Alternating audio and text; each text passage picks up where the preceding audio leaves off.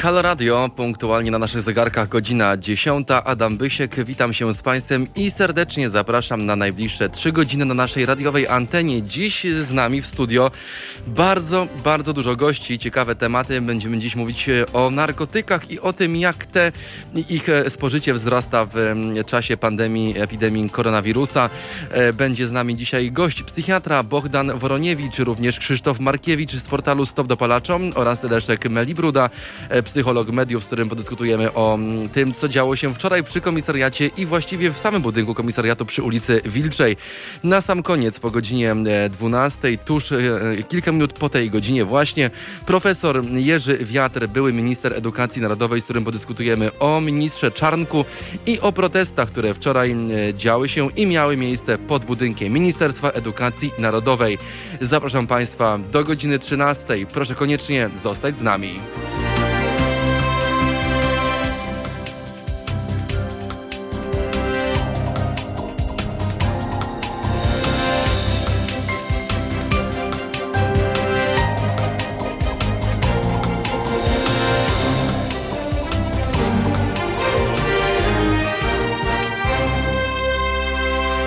I oczywiście, jak zawsze, informujemy Państwa o naszej kampanii. Kampanii, w której informujemy Polaków, jeżdżąc naszym redakcyjnym wozem po całej Polsce, ile kosztuje nas wszystkich utrzymanie Kościoła katolickiego w Polsce. Ja tylko zaznaczę, że to już czwarty tydzień naszej kampanii społecznej. Ile kosztuje nas Kościół?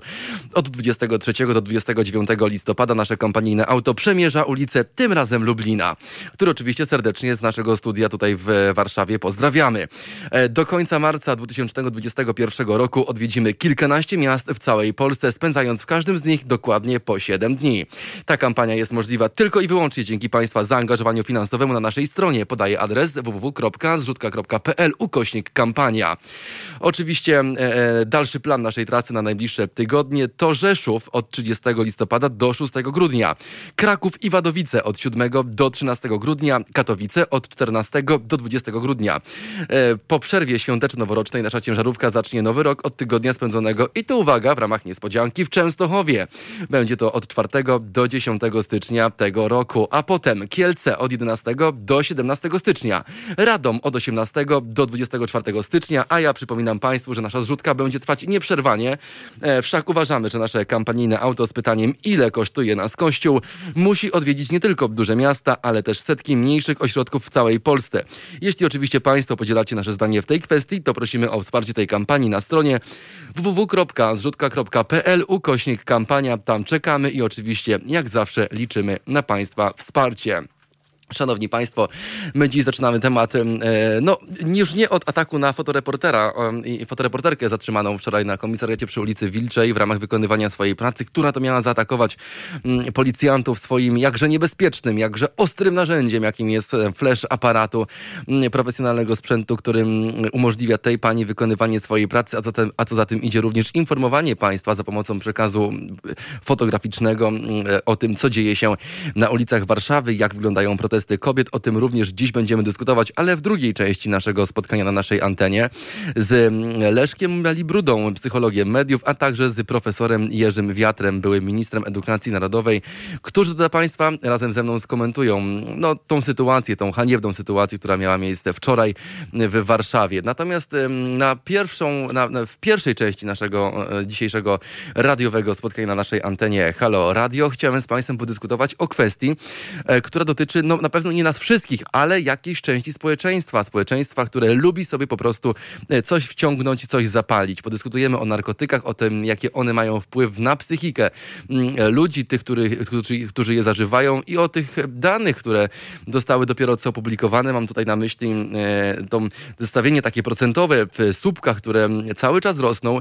Osób, które w czasie pandemii, jako że nie mają zrobić co ze swoim wolnym czasem, nie mają innych zainteresowań, brak im pasji, mm, no i jakichś ambicji, postanawiają w związku z tym sięgnąć po środki odurzające, po narkotyki, niejednokrotnie ciężkie narkotyki, no, które mm, w druzgocący sposób wpływają na ich psychikę i zdrowie. E, to jest generalnie również młode pokolenie, te osoby, które mają między 21 a 25 lat, mm, no, wiodą prym w tym zestawieniu. E, tych młodych osób jest coraz więcej. Osób, które właśnie decydują się na spędzanie czasu nie z przyjaciółmi, nie przed komputerem, nie w pracy, być może właśnie ją stracili, a właśnie w towarzystwie e, środków, które po prostu no, niszczą ich organizmy. E, specjaliści dziś będą naszymi gośćmi, specjaliści, których również i Państwo będą mogli zapytać mm, i zadać im pytania, które Was nurtują. Dzwoniąc na nasz numer telefonu redakcyjny 22 390 59 20 22. To numer telefonu oczywiście, który oddajemy jak zawsze e, o tej godzinie do Państwa dyspozycji. E, czekamy na Państwa pytania. Dziś specjaliści, którzy będą naszymi gośćmi, na pewno postarają się rozwiać wszelkie Państwa wątpliwości w kwestiach właśnie narkotyków, w kwestii tego, jak one działają, jak one wpływają na e, nasze samopoczucie, stan zdrowia, a w konsekwencji również zdrowie psychiczne. Szanowni Państwo, 6 minut po godzinie 10. Ja oczywiście przypominam Wam, że jesteśmy dostępni nie tylko i wyłącznie w naszych radiowych aplikacjach mobilnych, e, w sklepach e, Google, a także mm, w iTunes, ale również na Facebooku, e, w serwisie Mixcloud, który ma nowy adres, ukośnik tu Halo Radio, jak mówił Mariusz Gzyl, jak tu, jak tu pole, więc tu Halo Radio po ukośniku w serwisie Mixcloud, tam również Państwo nas znajdą. Oprócz tego na Facebooku i w serwisie YouTube czekamy na Państwa komentarze, również tutaj można zadawać pytania mi i naszym ekspertom, można zabierać głos w naszej dyskusji, dyskusji. Drodzy Państwo, ja już nie tracę czasu, jako że jest już 7 minut po godzinie 10. Najwyższy czas połączyć się z naszym pierwszym gościem, Bogdan Woroniewicz, wybitny psychiatra, specjalista z dziedziny, z dziedzin uzależnień od narkotyków, od dopalaczy, od środków odurzających. E, dziś będzie naszym gościem za dosłownie kilka minut na naszej radiowej antenie.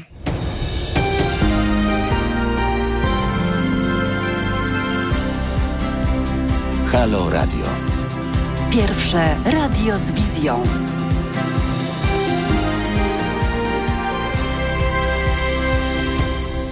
Head Will Roll. E, tak zaczynamy kolejne spotkania naszej antenie Halo Radio. Szanowni Państwo, 12 minut po godzinie 10. My już za chwilkę połączymy się z naszym specjalistą, e, doktorem, wybitnym e, psychiatrą Bohdanem Woronewiczem, ale zanim, ja chciałem tylko Państwu przytoczyć kilka danych, ponieważ w dobie pandemii COVID-19, jak mówią badania, narkotyki są lepiej dostępne i jest ich więcej na rynku. Dodatkowo część z nich jest znacznie tańsza niż była wcześniej. To mówią badania, to mówią członkowie grupy tak zwanej polityki narkotykowej. E, no właśnie, jak pandemia COVID-19 wpływa na pomoc osobom uzależnionym? Jak zmienił się rynek narkotykowy i czy substancje psychoaktywne są obecnie łatwiej dostępne? Te pytania dziś postawimy w naszej audycji tuż po godzinie 10. Już za kilka chwil. Szanowni Państwo, e, e, przyrost, który, przyrost, ten wzrost spożycia narkotyków dziś w dobie pandemii COVID-19 jest naprawdę spory. Nie mówilibyśmy o tym prawdopodobnie, gdyby to było kilka kilka procent, ale to jest aż kilkadziesiąt procent. Ceny rynkowe narkotyków spadły o co najmniej 20%, a to oznacza, że no, są one nie tylko łatwiej dostępne, ale ich zakup jest znacznie e, prostszy.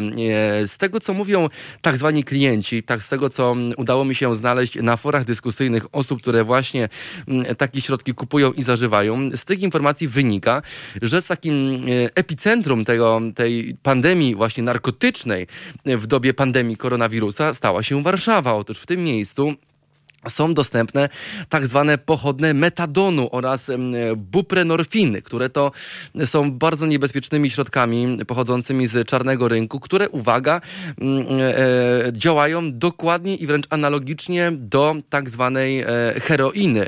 E, pewnie ją Państwo znacie z wielu seriali, z wielu mm, opowieści, filmów dokumentalnych, opartych również na faktach, które mm, ten środek jest dostępny w większej mierze właśnie w USA, w Ameryce. I dziś o to zapytamy Okazuje się również, że dopalacze, które miały z Polski zniknąć, przeciwko którym rząd wytoczył e, wojnę, również są dostępne. Z nami już teraz na antenie e, wybitny psychiatra, e, doktor Bogdan Woronowicz. Dzień dobry, witamy serdecznie.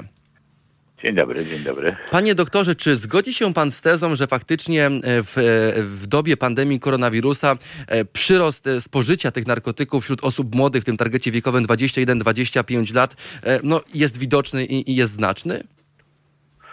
Znaczy, ja myślę, że to jest taka dodatkowa okazja do umilania sobie e, czasu, czy do tak zwanego rozerwania się, bo mhm. bardzo widoczne są różnice na przykład w spożyciu alkoholu, gdzie, gdzie osoby siedzące w domu no, częściej sobie sięgają, nie mają żadnej kontroli. Jeszcze do tego, jak jest sprawa no, tej takiej zdalnej pracy, gdzie nikt, gdzie nikt nie, nie widzi. Kiedyś ludzie kupowali małpki i szli z małpkami do pracy. Teraz można kupić pół litra, postawić pod stołem i można pracować zdalnie i sobie od czasu do czasu popijać. No i podobnie młodzi ludzie, jeżeli mają problemy ze spotykaniem się e, w jakichś miejscach, w klubach na przykład, e, no to można sobie online zrobić takie spotkanie, no i tam sobie różne dziwne rzeczy przyjmować. Panie doktorze, pan jest wybitnym specjalistą z zakresu terapii właśnie uzależnień i stąd moje pytanie, jako również osoby młodej, czy my możemy mm, postawić jakąś sztywną ramę i zdefiniować alkohol również jako narkotyk? Jak wiemy, on uzależnia, a w tej, e, w tej hierarchii mm, środków najbardziej uzależniających zajmuje z tego, co pamiętam, na chwilę obecną pozycję numer 3. Więc czy faktycznie możemy go zaliczyć do grupy znaczy... tych substancji, które uzależniają ludzi na 100%? Znaczy wie pan, no jest to substancja psychoaktywna mhm. i uzależnienia od substancji psychoaktywnych y, są do siebie bardzo podobne, a poza alkoholem substancją psychoaktywną y, są narkotyki, są niektóre leki i tyle, także do tego trzeba podchodzić tak całościowo. No, one zmieniają sposób, y, nie wiem, myślenia, reagowania, postrzegania i tak dalej, i tak. Także to są i do tego te substancje psychoaktywne też y, prowadzą do uzależnień. One dają człowiekowi w pewnym momencie coś takiego fajnego, czego nie potrafi uzyskać w taki normalny sposób. No a później to już nie człowiek po nie sięga, tylko one po człowieka sięgają, tak samo i alkohol. Ja panie doktorze przyznam szczerze, że przed naszym spotkaniem i wykonaniem telefonu dzisiaj do pana przed naszym programem zrobiłem a. sobie taki dość spory, dość spory research. Przeszperałem Aha. fora młodych ludzi, gdzie oni właśnie no, jednoczą się w takich grupach i tam wymieniają się informacjami, gdzie, co i za ile można kupić, co jak działa i co jak tak. szkodzi. I trafiłem na tak. takie opinie, że jest taki środek, e, cytuję jego nazwę, e, kryształ. Nieszkodliwy, tani, ale szybko działa. Tak zwany speed, tak z tej wypowiedzi. Ja tam brałem go trzy razy w tygodniu i jakby żadnych skutków ubocznych. Lekki zjazd na drugi dzień, potem jedna krecha i można poprawić mm, swoje samopoczucie. Czy można zdefiniować jakikolwiek z tych środków odurzających? No. To są bzdury. To, to są bzdury, no. To wie pan, to po pierwsze piszą to młodzi, nieodpowiedzialni ludzie, którzy spróbowali, być może jeszcze się nie wkręcili w to uzależnienie, albo już są wkręceni, a z drugiej strony no, jest cały ogromny przemysł, y, który robi ogromne pieniądze na to i, i przez to tego typu komentarze, jeżeli by się okazało, że to ktoś robi za pieniądze, po to, żeby ludzi ośmielać, skłaniać, namawiać do tego, żeby przyjmowali różnego rodzaju y, paskudztwa, no to, to ja bym się wcale nie dziwił. I teraz jest rzeczywiście ogromny problem, bo mm, kiedy były te takie typowe na, narkotyki, to myśmy wiedzieli, w jaki sposób ludzi ratować, a w tej chwili te nowe narkotyki, czyli dawniej nazywane dopalaczami, no one nie wiadomo jaki mają skład, ciągle to się zmienia, nie wiadomo co tam jest i nie wiadomo nawet jak temu człowiekowi pomóc, kiedy on się zatruje, a często też ci ludzie nie bardzo wiedzą, jaka będzie ich e, reakcja. No, a młodzi, mówię, z jednej strony to jest ciekawość, a, z drugiej strony to jest coś takiego jak taka presja środowiska, presja pewnej grupy młodych ludzi, która, którzy przyjmują, no i jeżeli ty chcesz z nimi być razem, y, no to musisz się do nich dopasować. A gdybyśmy mieli, panie, to, hmm, gdybyśmy panie doktorze mieli odpowiedzieć na ten właśnie komentarz, bo on mnie zaintrygował, dlatego że zebrał ponad 200 mm, tak zwanych polubień, co, co tylko no, no, pokazuje zasięg te, te, tego typu mm, idiotycznych, no. kretyńskich, należy to jasno wyartykułować i zaznaczyć komentarzy. Chociażby no. ten kryształ, który ma taką popularność aktualnie w świecie tych narkomanów, bo tak chyba należy Aha. ich określić. Mm, jak on z perspektywy pana jako specjalisty do spraw uzależnień działa na psychikę takiego młodego człowieka? Na psychikę, mózg, e, rozwój intelektualny, kondycję fizyczną?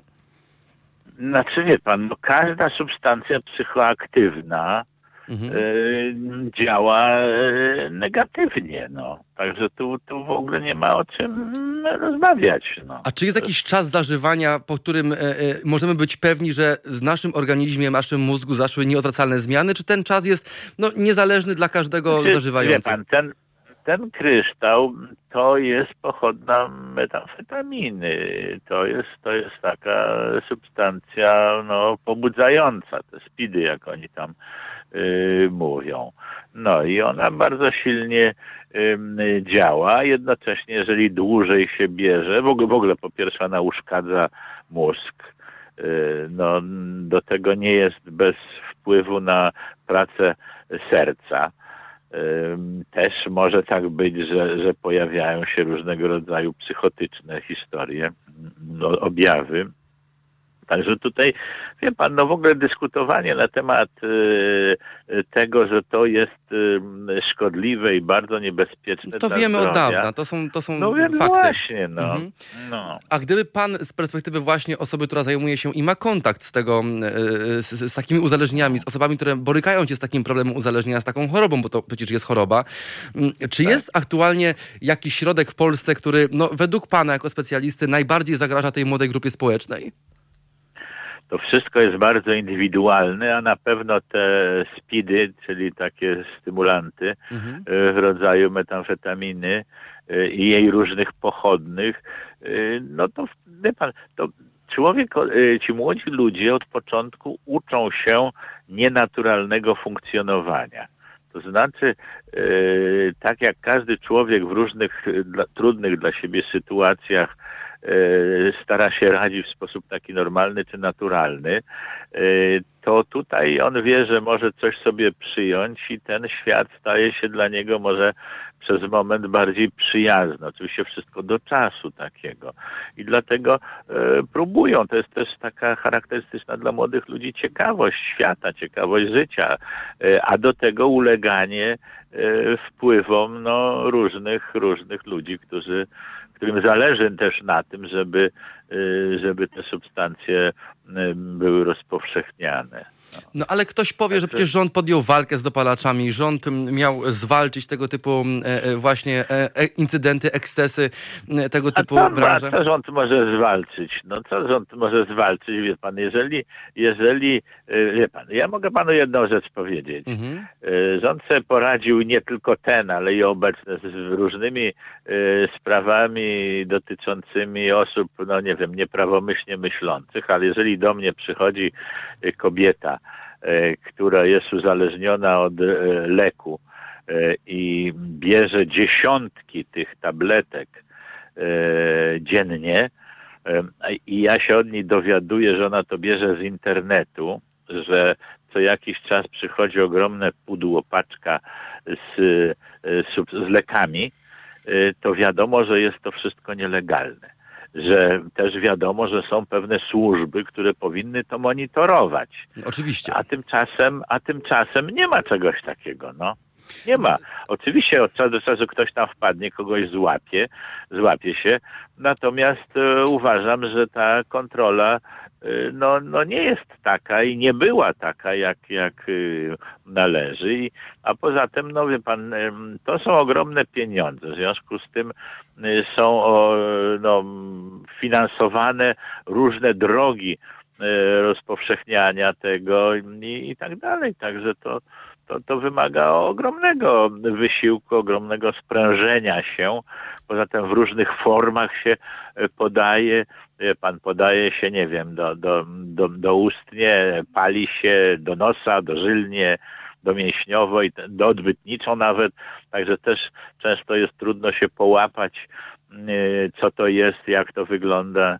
No, chociaż wiadomo, że jak to, jak to działa, to, to wiadomo, jeżeli się uda sprawdzić, y, jaki jest skład chemiczny. Tak? Panie doktorze, czy da się pomóc osobie już uzależnionej w sytuacji, gdy ona sama nie widzi problemu?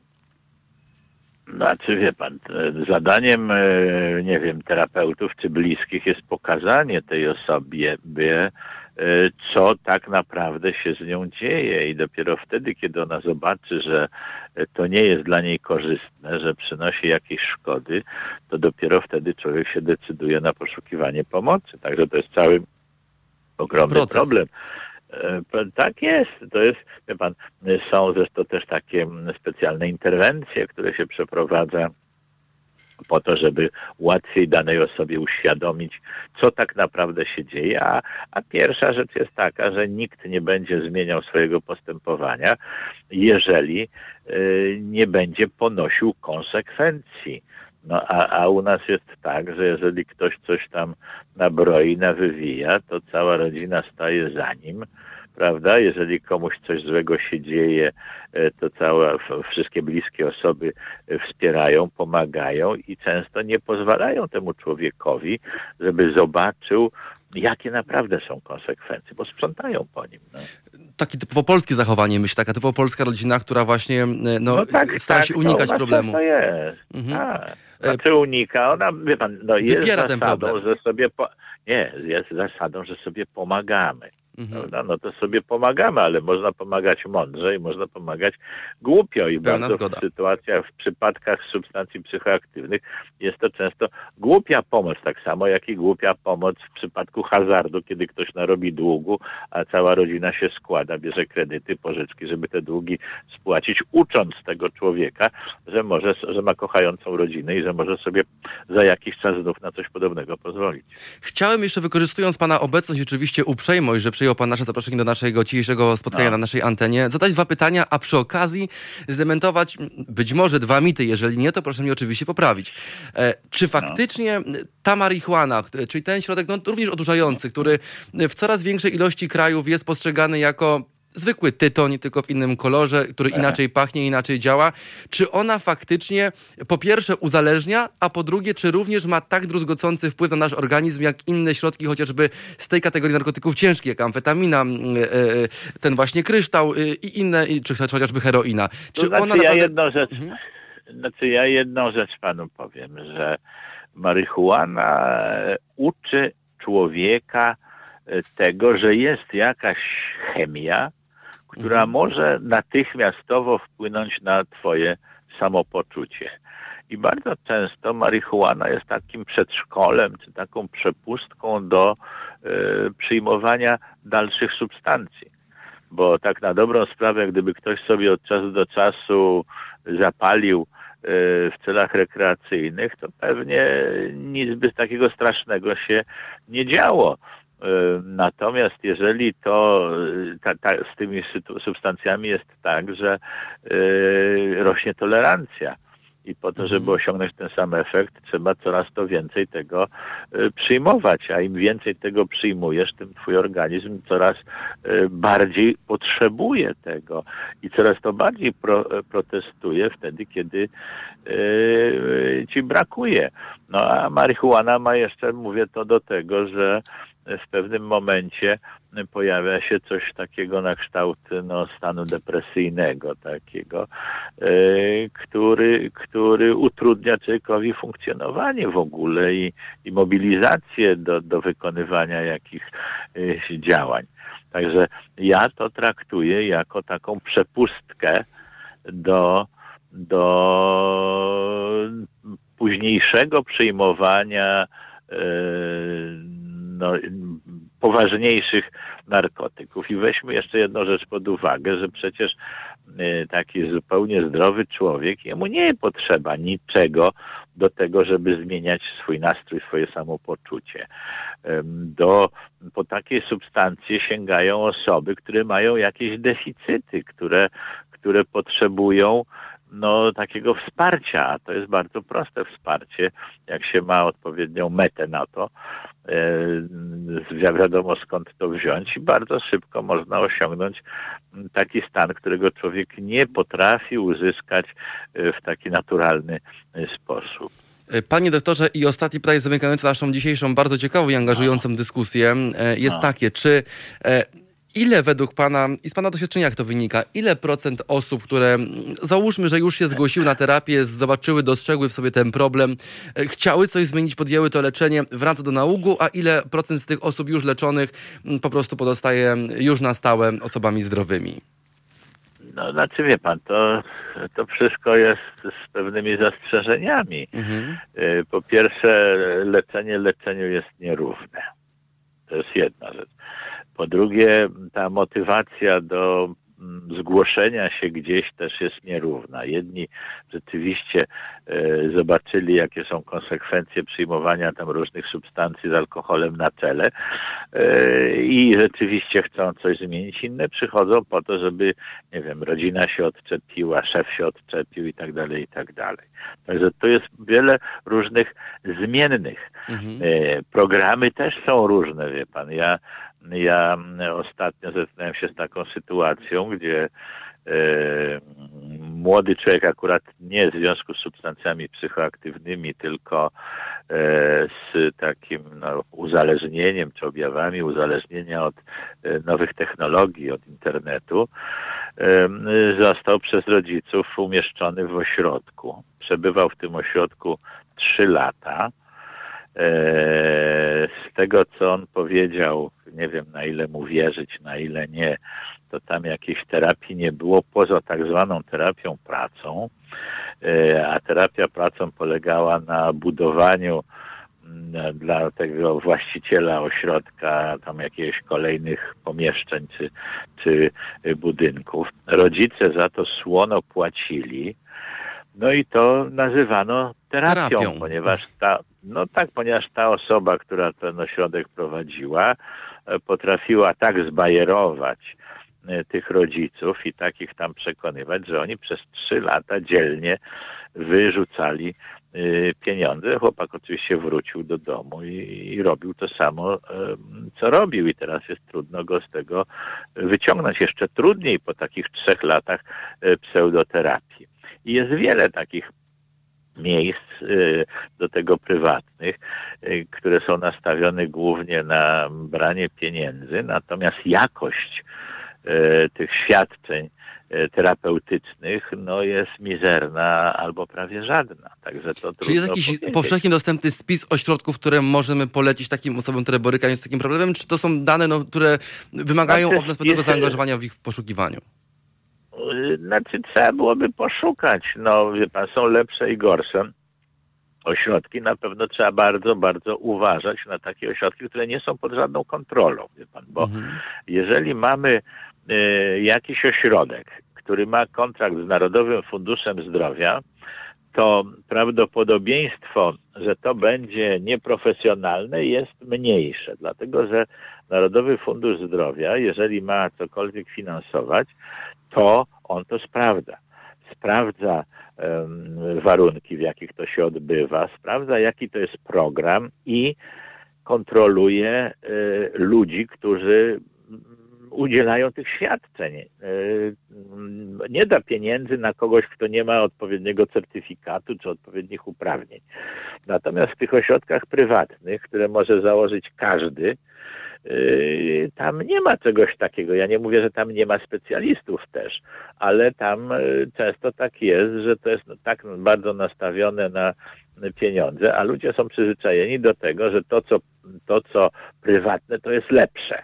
A mhm. tutaj akurat w tym przypadku yy, bardzo, bardzo często jest to nieprawda. I później jak przychodzą do mnie osoby i opowiadają, ile pieniędzy od nich wyłudzono, Yy, i na dobrą sprawę żadnej poważniejszej no, terapii te osoby, nie, ich bliskie nie przeszły, to, to mówię, resztki włosów na głowie mi stają. No. Yy, Także to, mm, wie pan, ta skuteczność to jest, to też zależy, co, co rozumiemy przez skuteczność. Czy, czy skuteczność, dobry, dobry efekt leczenia to jest to, że ktoś przestał pić, czy ktoś przestał brać, czy również, co powinno być brane pod uwagę, jak on funkcjonuje, jak on funkcjonuje rodzinnie, jak zawodowo, jak się ze swoich ról społecznych wywiązuje i tak dalej, i tak dalej, jak, jak wygląda stan jego zdrowia fizycznego. No.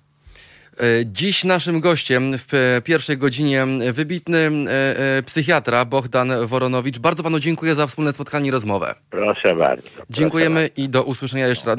Mam nadzieję, że kiedyś jeszcze na naszej radiowej antenie. Szanowni Państwo, my tymczasem przechodzimy do naszych komentarzy. Państwo również zabierają głos w naszej audycji. Chociażby mm, jeden z takich komentarzy, z którym ciężko mi się nie zgodzić. Tak na dobrą sprawę, alkohol też jest narkotykiem. Zaburza nasze zmysły, mocno uzależnia i niszczy zdrowie ale największym problemem jest marihuana dla tego pana. No, pisze pan lub pani Karel Smetna na naszym YouTubie, na YouTube'owym kanale. No, zgadzam się z pierwszą częścią tego komentarza, mianowicie tutaj ten alkohol, który również jest narkotykiem. Ja tylko przypomnę Państwu statystyki, że w Polsce ponad połowa zabójstw kobiet jest dokonywana pod wpływem jakichś środków i czynników zewnętrznych. Te dane znam od Mariusza Gzyla, który mi je podał. Bardzo ciekawe badania. Dla porównania w Anglii, Wielkiej Brytanii jest to 69%. Natomiast e, e, ja nie, nie podejmuję się zdefiniowania marihuany jako narkotyku i nie jest to dla mnie pani lub panie Karol największym problemem. E, dlatego ja też nie boję słowa, nie jestem kompetentny, by zdefiniować to jako narkotyk. Natomiast no, jeżeli pan lub pani jest do tego e, zdolny i czuje się pan na siłach, by się takiej definicji podjąć, e, czego nie podejmują się wybitni psychiatrzy i naukowcy badający również i tę używkę, no to e, e, serdecznie gratulujemy. Natomiast no ja tego słowa się nie boję, nie jestem kompetentny, by stwierdzić, czy marihuana jest, czy nie jest narkotykiem. Natomiast mogę stwierdzić, jak ona działa. Sam pan pisze o tym, że de facto marihuana jest e, do nabycia bez problemu 80% wieku do 40 lat próbowało i pali więcej lub mniej, lub wcale nie pali. Doprecyzował pan komentarz, mówiłem o gościu, rozumiem, co, więc cofam drugą część swojego zdania. Natomiast również tutaj miałbym obiekcje, bo jakoś mi nie wybrzmiało ze słów naszego gościa, e, pana e, doktora Bogdana Woronowicza, aby on mm, aż tak e, zdefiniował ten, tą używkę, ten narkotyk. Ja osobiście nazywam marihuanę używką. Mm, mm, nie jestem lekarzem, nie jestem naukowcem, by twierdzić, że jest to narkotyk i, i, i kwalifikować go w ten czy w inny sposób, ponieważ mam też z tyłu głowy w potylicy to, w ilu krajach ten środek jest legalny. Mówię tu o Ameryce Północnej, mówię tu oczywiście również o Holandii, o Austrii, gdzie jest dopuszczalny na nawet sprzedaż tego miejsca, tego, tego środka odurzającego w jednym z parku nieopodal mm, Karstel Placu. Znam podejście różnych krajów do tego tematu, jak e, policja działa, zatrzymując e, chociażby kogoś takiego delikwenta, który gdzieś tam w kieszeni ma zawiniętego skręta i blanta, więc jeszcze raz powtarzam, ja nie podejmuję się zdefiniowania tego e, środka jako narkotyku. Mm, osobiście uznaję go jako jedną z używek, ponieważ też wystarczy przejść się ulicą i, i, i no mieć e, sprawny zmysł powonienia, by e, e, ten zapach wyczuć z tej czy w innej bramie, czy po prostu na tej czy innej imprezie. No jest to coś, co jest, co jest coraz bardziej popularne również i w Polsce, natomiast no jak wiemy jest to oczywiście karane, a póki co Zgodnie z wykładnią polskiego prawa ten środek traktowany jest e, jako narkotyk, bowiem jest również wpisany na e, listę środków zakazanych, których posiadanie i handel jest oczywiście zabronione. 38 minut po godzinie 10. E, my oczywiście zostajemy z Państwem, teraz sobie coś zagramy, a do Państwa wracamy już po krótkiej muzycznym takim no, skromnym przerywniku. Halo Radio. Gadamy i trochę gramy.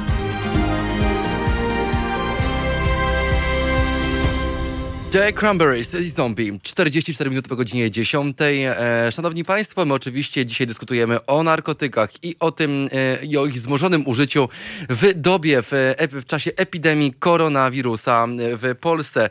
E, są nowe komentarze na naszym, na jednym z naszych profili. Użytkownik o wdzięcznym nazwie BHP, adekwatna nazwa do naszego dzisiejszego spotkania, pisze, że i zadaje nam pytanie, właściwie mi dokładnie, czy znam definicję narkotyku i że taki wzór dawno nie słyszał, więc panie BHP, Narkotyk jest oczywiście substancją psychoaktywną, środkiem odurzającym, używką. To określenia o podobnym znaczeniu stosowane wymiennie w języku potocznym medycynie narkotykami określa się substancje psychoaktywne, które działają innymi przeciwbólowo lub poprzez określone receptory mózgowe opioidowe. No jeżeli pan się z tą definicją nie zgadza i twierdzi, że alkohol e, e, używką i narkotykiem w e, myśl tej definicji nie jest, no to my panu serdecznie współczujemy i polecamy konsultację z lekarzem lub farmaceutą.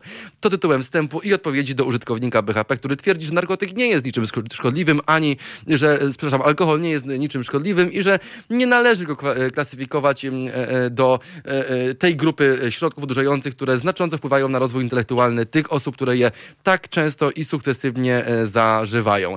My natomiast już teraz przechodzimy do połączenia z naszym drugim gościem z portalu Stop Dopalaczom, pan Krzysztof Markiewicz, specjalista również w tej dziedzinie, człowiek o niemałej wiedzy na temat właśnie używek i tego, jak one działają na, nasze, na naszą psychikę, na nasz stan zdrowia, zna cały proces, ponieważ ten portal również walczy z handlem tymi środkami, z handlem środkami, które mają druzgocący wpływ na psychikę osób je zażywających. Krzysztof Markiewicz już jest na naszej antenie, moim i Państwa gościem. Dzień dobry, witam. Witam serdecznie. To nie tylko portal walczy, to, to, to walczą specjaliści, walczą y, psychoterapeuci, walczą ludzie, ci, którzy naprawdę, tak jak pan przed chwilą powiedział, mają wiedzę. To, to niszczy, niszczy. Nie, nie można powiedzieć, że narkotyk czy alkohol y, nie działa. Niszczy ośrodkowy układ nerwowy do tego stopnia, że kiedyś słyszałem, że nie można się cofnąć w rozwoju. Absolutnie można się. Poprzez jeżeli, alkohol, rozumiem. Jeżeli mamy uszkodzoną część przez alkohol między innymi, przez dopalacze, narkotyki również, bo mamy wyniszczoną y, część mózgu, tak? Cały obszar mózgu nie pracuje prawidłowo, w związku z czym no, mamy problem z kojarzeniem faktów, to, to wpływa na, na, na intelekt, tak zdecydowanie, nie ma o czym dyskutować. E, panie Krzysztofie, czy pan się zgodzi z tymi badaniami i z tą tezą, że w czasie, kiedy ten e, e, no, wirus sieje również niemałe zniszczenie w Polsce i na świecie, to faktycznie to jest widoczne wzmożone użycie, y, użycie przez osoby młode w szczególności, bo te badania o tym mówią, środków odurzających takich jak chociażby alkohol i narkotyki, a także dopalacze. Ta tendencja jest widoczna?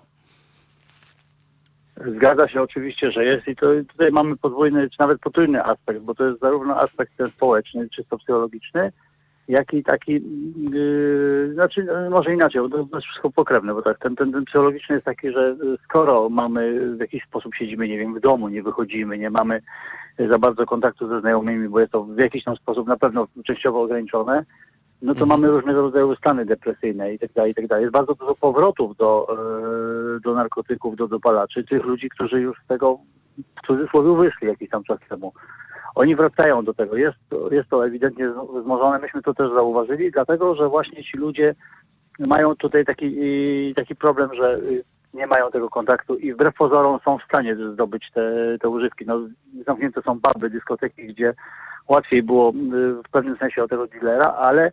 Podobno są no, tańsze teraz w dobie pandemii narkotyki. Dokładnie, no to, to, to zawsze y, tą, tą cenę też, mm, też popyt regulował, tak? Mhm. Panie na, na podaż zawsze wpływa e, popyt. Ja dyskutowałem wcześniej, zanim e, połączyliśmy się z panem, z wybitym psychiatrą panem Bohdanem Woronowiczem, który od lat bada i walczy ze zjawiskiem właśnie no, tej narkomanii, która w Polsce no, również jest obecna, jak pewnie w każdym kraju na świecie. I ja znalazłem, robiąc research, taki e, e, cytat, który również panu chciałem przytoczyć, jako osobie, która no, współtworzy ten, tą, to, ten, ten krąg osób bezpośrednio walczących z tym zjawiskiem narkomanii w Polsce. E, kryształ. Raz zażyłem, bardzo e, fajnie działa. Tania, tania używka, można ją kupić na każdym rogu. Rano lekki zjazd, potem jedna krecha i trzy godziny śmigałem jak nowy. W sumie to chyba nie groźne. Czy Państwo się zgodzą z tezą, że są narkotyki e, mniej lub bardziej groźne? To moje pierwsze pytanie. I drugie jest takie, e, czy faktycznie ta używka o wdzięcznej, jakże krystalicznej nazwie kryształ mm, mm, ma druzgocący wpływ na psychikę dzieci lub osób, które mogą ją zażywać? Po pierwsze, okej, okay, świetnie jest super, super, nie bardzo mi się podoba to stwierdzenie. Na pewno jest super, na pewno jest ok, ale co dalej? Ja zawsze mhm. zadaję to pytanie. Na początku jest ok. Jest jakiś tam zjazd, później chodzi ktoś jak nowonarodzony. Ok, po jednej kresce. Świetnie, tylko co dalej? Niebezpieczeństwem jest właśnie to, że mamy takie wrażenie, że jest ok. Przede wszystkim nie wiemy, co się dzieje w naszej głowie. A to, co się dzieje przede wszystkim, przede wszystkim mm, uzależnienia się nie, nie da w żaden sposób kontrolować. Właśnie cały proces uzależnienia polega na tym, że jest świetnie i chcemy więcej i więcej. Dlatego ja zawsze wolę, jak ktoś bierze pierwszy raz, yy, to żeby się po tym źle poczuł, bo, bo być może nie weźmie drugi raz, być może nie zaryzykuje. Yy, natomiast nie ma narkotyków bezpiecznych. Absolutnie. To jest, to jest odpowiedź na, na pytanie, czy są narkotyki bardziej, mniej bezpieczne. Dla mnie wszystkie są tak samo niebezpieczne. Mhm. Są takie, które bardziej uzależniają, na pewno. Szybciej uzależniają. E, Państwo, e, nawet państwa nazwa państwa portalu, państwa organizacji pochodzi właśnie od nazwy, no już rzekomo e, problemu, który jest zażegnany przez rząd. No, okazuje się, że jednak może już tych oficjalnych, fizycznych sklepów nie ma, ale dalej w sieci podobno można w bardzo łatwy sposób zamówić tego typu używki do swojego domu, nawet do paczkomatu, żeby to było anonimowe. Czy faktycznie takie incydenty państwo odnotowują jako osoby walczące z tym zjawiskiem? Tak, my dostajemy bardzo dużo maili, bardzo dużo informacji, y, gdzie, kto, i staramy się zgłaszać do organów ścigania, natomiast no, jest to proceder bardzo trudny do wykrycia, dlatego że no, kamuflują się w różny sposób w internecie. To nawet przez znany portal aukcyjny są, dochodzi do sprzedaży pod płaszczykiem różnych rzeczy. Tak? To już nie są y, koniecznie kolekcjoner, kolekcjonerskie rzeczy, ale nawet są, y, nawet można kupić muzykę czy program komputerowy. Tylko trzeba wiedzieć w jaki sposób y, zadać pytanie. A w środku zamiast płyty będzie jakiś tam proszek czy, czy, czy inna substancja, którą można sobie wciągnąć, zapalić, żeby Tak, będzie coś, co można wciągnąć do nosa, dokładnie tak. Mhm. E, panie Krzysztofie, tutaj jest, pojawiło się pytanie e, od naszego słuchacza, czy kryształ to metamfetamina? Tak i nie. Okej, okay, bo rozumiem, że tych środków w tej postaci krystalicznej może być ileś dziesiąt i niekoniecznie wszystkie muszą być zbadane i odnotowane chociażby przez państwa organizacje, czy przez politykę, czy przez służby mundurowe. To znaczy problem jest tego mhm. rodzaju, że y, ktoś sprzedaje kryształ, a, a nie do końca to jest ten, który wzięliśmy wcześniej. I okay. to jest, tu zachodzi ryzyko pewne, że tak, jeżeli wzięliśmy coś, co nam w cudzysłowie nie zaszkodziło, w sensie takim, że nie poczuliśmy się źle od razu, nie mieliśmy jakiegoś tam, e, jakichś tam problemów z, z, ze zdrowiem w danej chwili, kiedy żeśmy to wzięli, czy chwilę po tym i zamawiamy drugi raz, ale nigdy nie wiemy, czy to jest to samo, bo to skoro to nie jest do końca legalne, w związku z czym nie wiemy, czy co, jest, co tam jest za skład.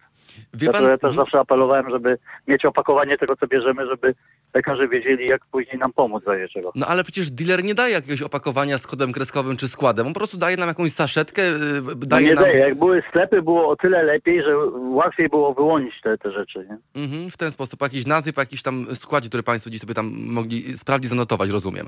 E, panie Krzysztofie, moje kolejne pytanie jest takie, czy my możemy w końcu e, e, obalić ten mit lub ewentualnie odpowiedzieć na pytanie, które no, nurtuje wiele ludzi i generalnie to ono wywołuje niemałą dyskusję, bo środek ten ma zarówno tyle samo zwolenników, i to mówię z całym przekonaniem e, i pewnością, jak i tych, którzy twierdzą, że jest to jednak narkotyk groźny dla człowieka, jego psychiki i zdrowia. Jak to jest tą marihuaną w końcu? Każdy narkotyk uzależnia, każdy, każdy narkotyk jest Ale możemy zdefiniować, mimo legalizacji tego środka w wielu krajach jako narkotyk, czy marihuana według państwa, według pana, mm, e, e, według no, definicji to już wiemy, jest narkotykiem, który może mieć wymierny, wymierny, niekorzystny wpływ na nasz stan zdrowia psychicznego, jak i fizycznego. Ja pytam całkiem serio, bo marihuana naprawdę... na pewno będzie mniej, marihuana będzie na pewno mniej szkodzić niż y, każdy dopalacz. Nie ma o czym mówić, dlatego że ona jest naturalna przede wszystkim. Mhm. I jej trzeba jakby przyjąć więcej, żeby ona nam zaszkodziła fizycznie, że tak wyrażę. A Rozumiem. Nie mówię o, o efekcie uzależnienia, Natomiast jest jeszcze kwestia mentalności, bo bardzo często się mówi o tym, że w Holandii można, można, można. Ja znam mnóstwo ludzi, byłem tam. Mhm. Tam trochę to wygląda inaczej. Tam przez to, że to jest legalne, to, to nie jest tak, że wszyscy chodzą na śpani. Mhm. Bardzo znam ludzi, którzy tam idą sobie poimprezować, y, wypalą tą marychę i koniec. I na tym się kończy. Wracają normalnie do pracy, do normalnego funkcjonowania. Nie biorą miesiąc, dwa. Mhm. Tam trudno jest mówić y, tak y, stricte o efekcie uzależnienia. Rozumiem. E, chciałem pana jeszcze zapytać o, mm, e, o te inne środki, no ponieważ, e, wie pan, w Polsce są takie rzeczy, ja to znam, mam to z tych forów, które czytałem, są pewne środki, które są ciężko dostępne. Natomiast mm, pojawia się taka nazwa jak fentanyl.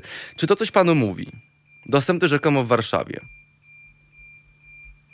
Tak, tak, ale to są, to są rzeczy w miarę nowe, od kilku lat. Mhm. Czy mimo tego, że państwo toczą zacięty bój, e, toczą państwo walkę z dealerami, z, no, ze sprzedawcami śmierci, no nie ukrywajmy, że to tak można śmiało nazwać, czy pomimo tego i państwa starań dalej ci ludzie, mimo tego, że jest oczywiście internet, etc., próbują e, e, do obiegu wprowadzać coraz to nowe środki, mając już i tak spory katalog tych, które sprzedają? Tak, bo to, to tak jak w 2009 roku, o ile pamiętam, e, stworzyłem tą e, ustawę, czy projekt ustawy z, ze mhm. znajomymi, gdzie mieliśmy e, doprowadzić do tego, aby nie było listy tych substancji zakazanych, tylko żeby były narkotyki zakazane, po prostu dopalacze potraktowane jak, jako narkotyki. I, I czemu to się jeszcze nie czyli... zmieniło w takim razie? Czy, czy, jak pan myśli, gdzie, gdzie tu jest problem? Problem jest w rządzie, w Sejmie, y, wśród decydentów partyjnych, którzy decydują problem o tego zawsze jest kwestiach? na górze, tak. Problem zawsze jest na górze, ale też jest troszkę problem tutaj unijny, no niestety. Mhm. Bo to wygląda tak, że no, skoro Holandia jest w Unii i, i, to, i tak dalej, i tak dalej. Ktoś gdzieś tam mówi, no dobrze, ale to nie są narkotyki, to są dopalacze, ale działają narkotyki. No ale nie możemy tego za, zabronić, bo jeżeli tego zabronimy, to zabronimy wszystkich e, środków psychoaktywnych, a w tym są też leki. No Jak i to jest taki problem, że jakby nie chce się komuś y, usiąść nad tym, bo to jest bardzo dużo pracy. Na pewno to jest bardzo dużo pracy i sztabu ludzi, y, dużo bardziej doświadczonych niż ja, którzy mm, stworzą nie listę, tylko stworzą taką ustawę, która mm, nie pozwoli na handel rzeczami, y, takim właśnie bez recepty, lekami i tak. I, I takimi substancjami, które są psychoaktywne i będą używane po to, żeby się odurzyć. Bo jeszcze kwestia jest tego, czy używamy marihuany leczniczą, czy do odurzania się. I, i, I tak dalej, i tak dalej. Zresztą wystarczy zobaczyć, co się działo w Polsce, jeżeli chodzi o marihuanę leczniczą. No tak, no to jakby e, e, ilość zakupu, ilość chęci, potencjal, ilość potencjalnych klientów, którzy o to pytali, no była znacznie większa niż wcześniej. To, to tak, no teraz stoją, nie wiem czy pan widział, ale na przykład no, w Warszawie na ulicy Emilii Prater, tak zwanej patelni, w metrze jest automat, gdzie może pan sobie normalnie pójść i samemu kupić tak zwanego jointa, ale z CBD, wrzucając do tej maszyny 40 zł, ta odda panu zawiniętego w tak zwaną bledkę e, jointa z marihuaną, tylko bez THC w środku. Tak, tak, tak. Panie Krzysztofie, za, y, I... mhm, słucham pana. Jeszcze jedna ciekawostka. W, w Ostrawie Czeskiej, dwa, trzy lata temu, może więcej nie pamiętam, powstał sklep z dopalaczami i taka była ciekawostka, bo ja mieszkałem bardzo blisko, bo w Gliwicach miałem 60 km autostradą pod sam sklep z domu Mhm. i tak sobie kiedyś stałem pod tym sklepem i obserwowałem ludzi, którzy tam wchodzą. Nie widziałem przez dwa tygodnie żadnego Czecha. Byli tylko Polacy. Sami Polacy, tak. Taka ciekawostka. To, Okej. to, jest, to jest y, gdzieś w mentalności. Czesi tego nie potrzebują zupełnie.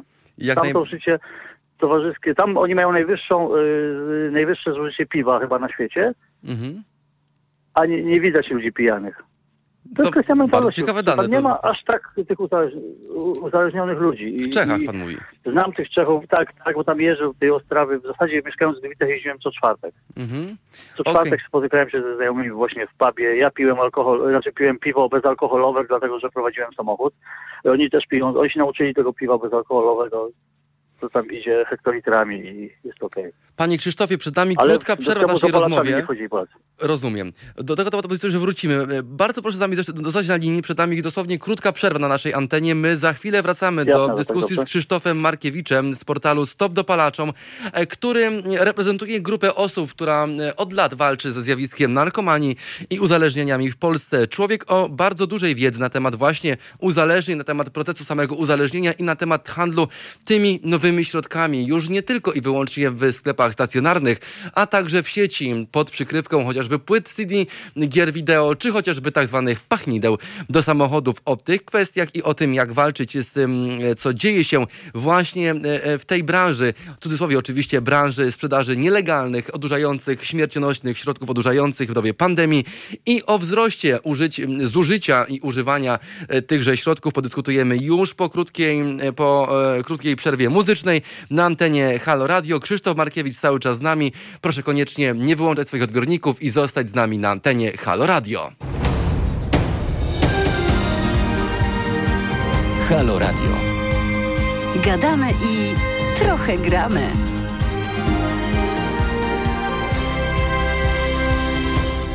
Wtorek, 11.05 na naszych zegarkach. Za nami e, bardzo energiczna piosenka, myślę, że bardzo przyjemna na e, rozruszanie Państwa w ten wtorkowy, no prawie już poranek, bo to jeszcze przed południem dzisiaj dyskutujemy mm, na dwa bardzo istotne e, tematy. Poruszamy dwie bardzo ważne kwestie.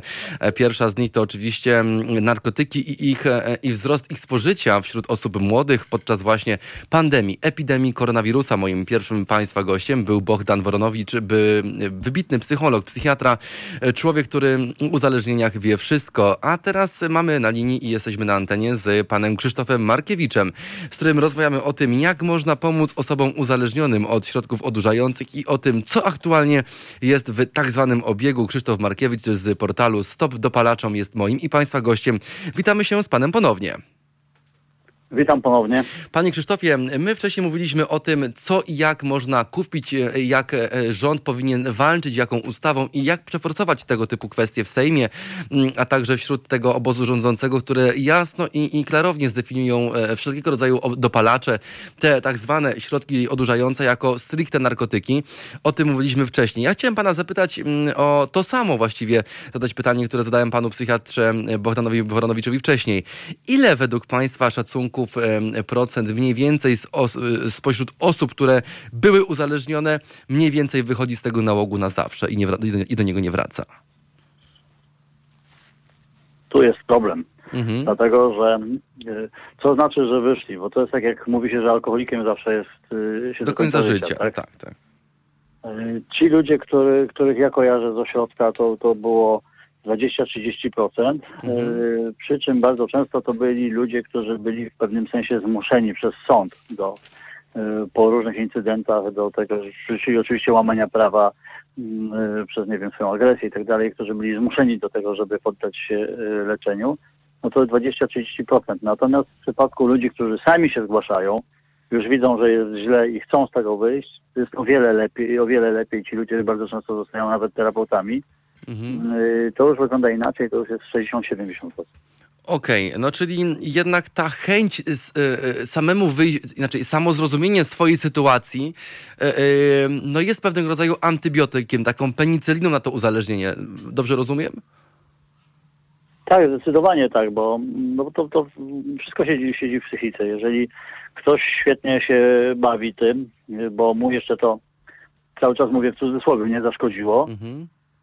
No to, to, to, to kontynuuje, tak? To było bardzo takie popularne w czasach y, muzyki techno, czyli lata 90., kluby, dyskoteki, te, te, te wszystkie takie wielkie molochy z muzyką techno. Tam było bardzo dużo wtedy ekstazy i tak dalej. No ale o właśnie, to- bardzo ciekawa kwestia, panie. tamte czasy najbardziej pamiętam. Panie Krzysztofie, e, bardzo ciekawe pytanie, to właściwie ukradł pan mi je z mojej e, kartki i z mojego komputera, bo takie miałem na sam koniec przygotowane, ale okej, odwrócimy tę dyskusję lekko i, i, i trochę do przodu. Okej, dobra. Mm, e, Pan powiedział o ekstazy.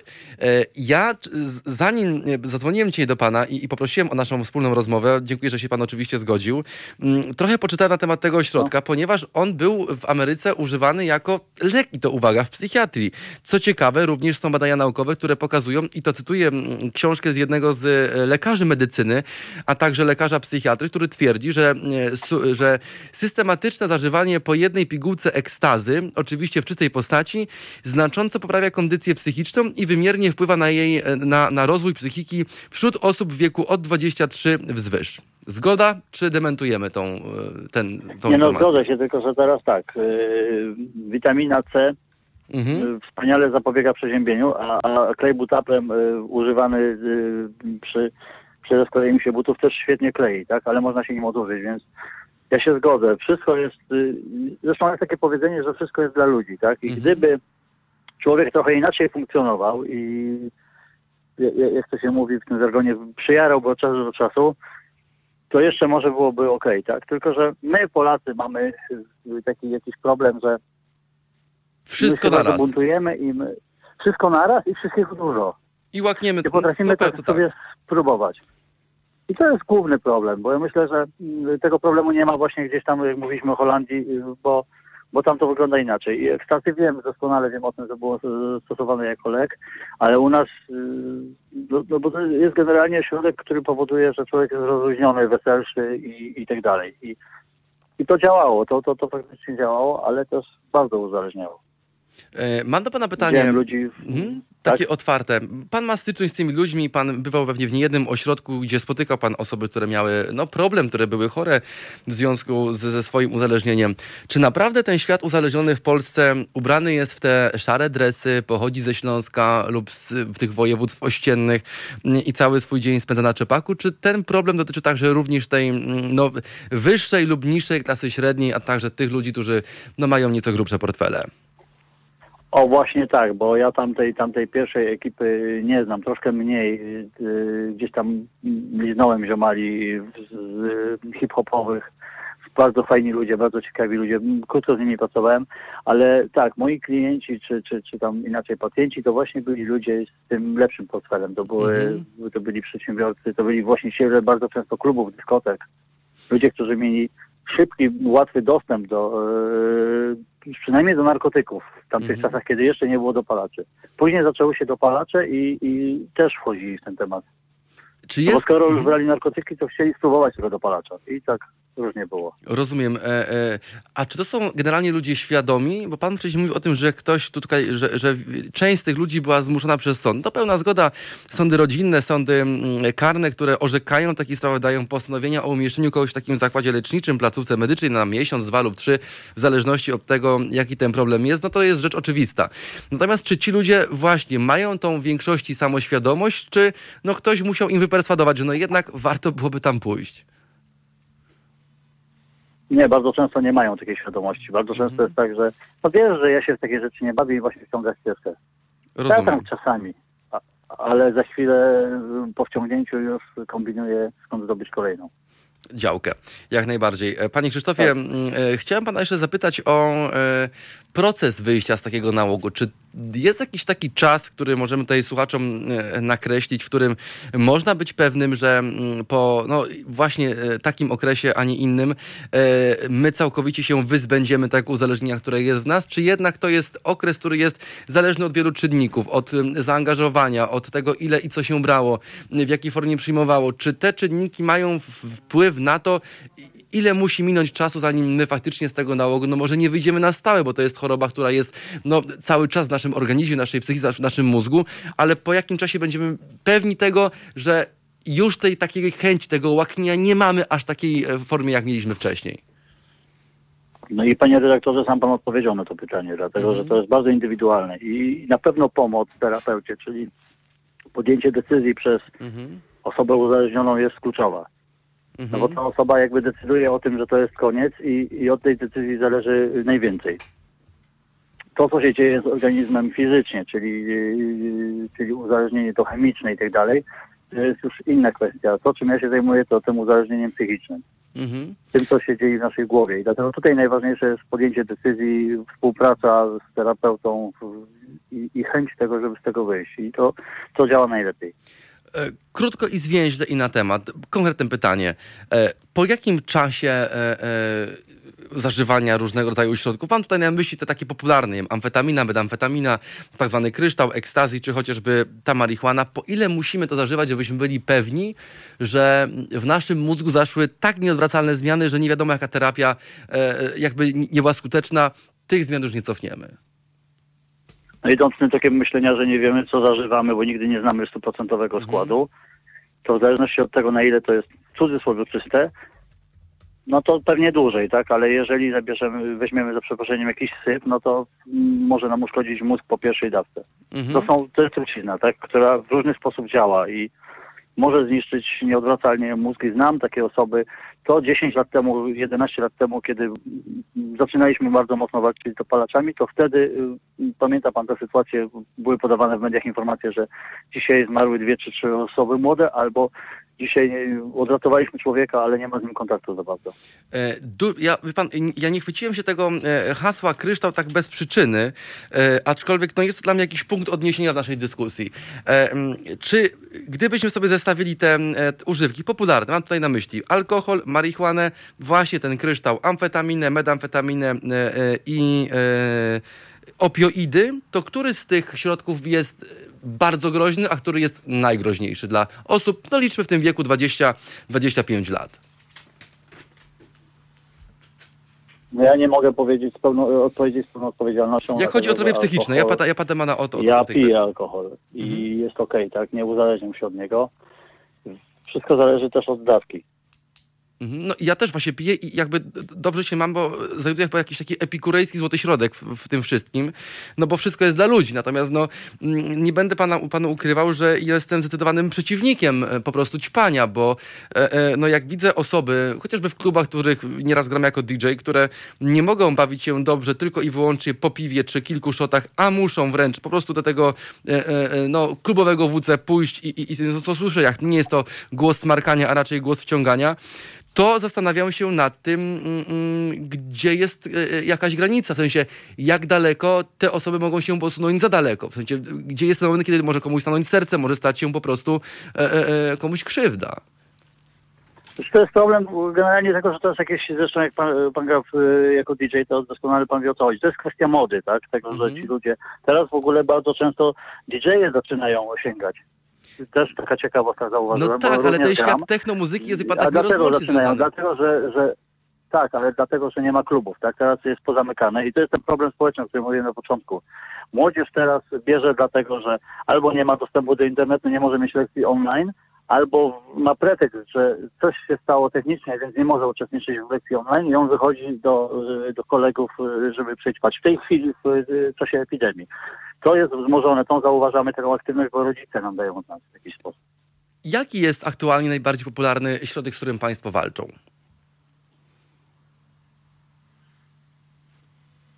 Nie ma. Wszystko jest mniej więcej porówno. To, Mhm. co jest najpopularniejsze, to. A, I to też, tak y, szczerze mówiąc, zależy od województwa. Okej. E, e, Troszkę inaczej jest, wygląda Czyli- to na Śląsku, troszkę inaczej w Lublinie. A nie będzie to nadużyciem, jak, jak powiemy, że e, i pan, ja też czytałem, zanim zadałem to, zadaję panu to pytanie, że właśnie Śląsk i tutaj zaskakująca miejscowość Poznań właśnie są tymi miastami, które przodują w tych rankingach używalności tego typu środków? Poznań być może tak, wierzę w to. Jak pan myśli, z czego Tylko, to że może troszkę wynikać? inne, inne środki w Poznaniu. A z czego to może Znaczy, w wynikać? Poznaniu jest troszkę więcej tych ludzi właśnie w klasie średniej. Mhm. Więcej ludzi, którzy prowadzą jakiś biznes, którzy, którzy y, używają. Tak zauważyłem. Mhm. Na Śląsku to już trochę mniej. E, Wie pan, padło jedno pytanie e, od naszego słuchacza. Ja chciałem je panu zadać.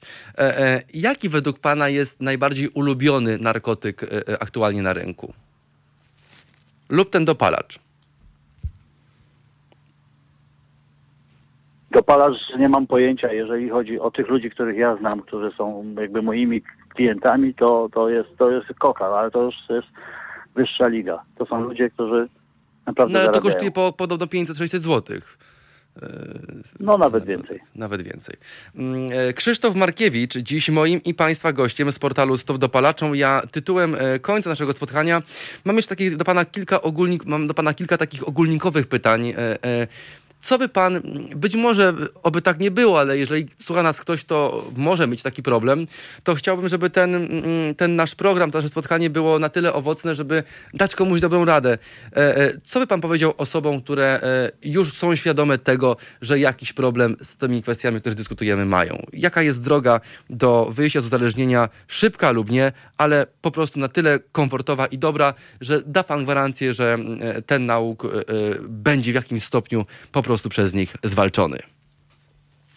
Nie wstydzić się, zgłosić się do, do poradni zdrowia psychicznego, a jeżeli się tego krępujemy, jest bardzo wiele telefonów zaufania. Trzeba znaleźć w internecie. Bardzo szybko można w sieci znaleźć taki Mhm. namiar i wtedy ktoś nas poprowadzi. Ale przede wszystkim nie wstydzić się tego, żeby powiedzieć o tym, że chyba mam problem, bo to terapeuta stwierdzi, czy, czy, czy ten problem istnieje. Ale jeżeli ktoś już sam podejmie taką decyzję, to znaczy, że jest okej. Y, A czy są w ogóle jakieś takie badania, które mm, właśnie psychiatrzy, nie wiem, czy państwa, e, przedstawiciele z państwa organizacji są w stanie przeprowadzić, by jasno i, i no właśnie klarownie stwierdzić, tak, y, panie Kowalski, pan ma z tym problem, pan jest uzależniony, pan po prostu musi się leczyć, jeżeli chce pan żyć dalej i dłużej. Są takie badania? Oczywiście, że, oczywiście, że tak. Przykładowo, na czym ono może polegać? Potrafią zweryfikować. No to zależy, to, to jest kwestia y, wywiadu, o ile wywiad jest prawdziwy, czy o ile osoba, z którą rozmawiamy, mówi nam prawdę. Mhm. No to tak jak lekarz przeprowadza wywiad, no to jest kwestia wywiadu. Co bierzesz, ile bierzesz, jak często, dlaczego, jak się po tym czujesz. Czy według pana tego rodzaju pytań. Dużo się mówi też o tym, że o takiej nadgorliwości rodziców, o, o tym, że rodzice e, e, no, w jakiś sposób kontrolują swoje dzieci, te niekoniecznie się z tym muszą godzić. To psycholodzy mówią o tym, że to jest taka, mm, taki papierek lakmusowy e, początkowej fazy utraty zaufania do dziecka. Mm, e, Właśnie to testowanie na tych testach, e, które można kupić w aptece. Ja też ile one kosztują. Kosztują od 15 do 30 zł i, i jakby powszechnym jest mm, przez e, jakąś część tych rodzin, polskich rodzin, e, kontrolowanie dzieci w ten sposób. Czy pan by jako specjalista w tej dziedzinie doradzał rodzicom, którzy mogą mieć jakieś wątpliwości do właśnie sięgnięcia po tego typu rozwiązanie, jak testowanie swoich dzieci na obecność narkotyków ich moczu, w ich krwi?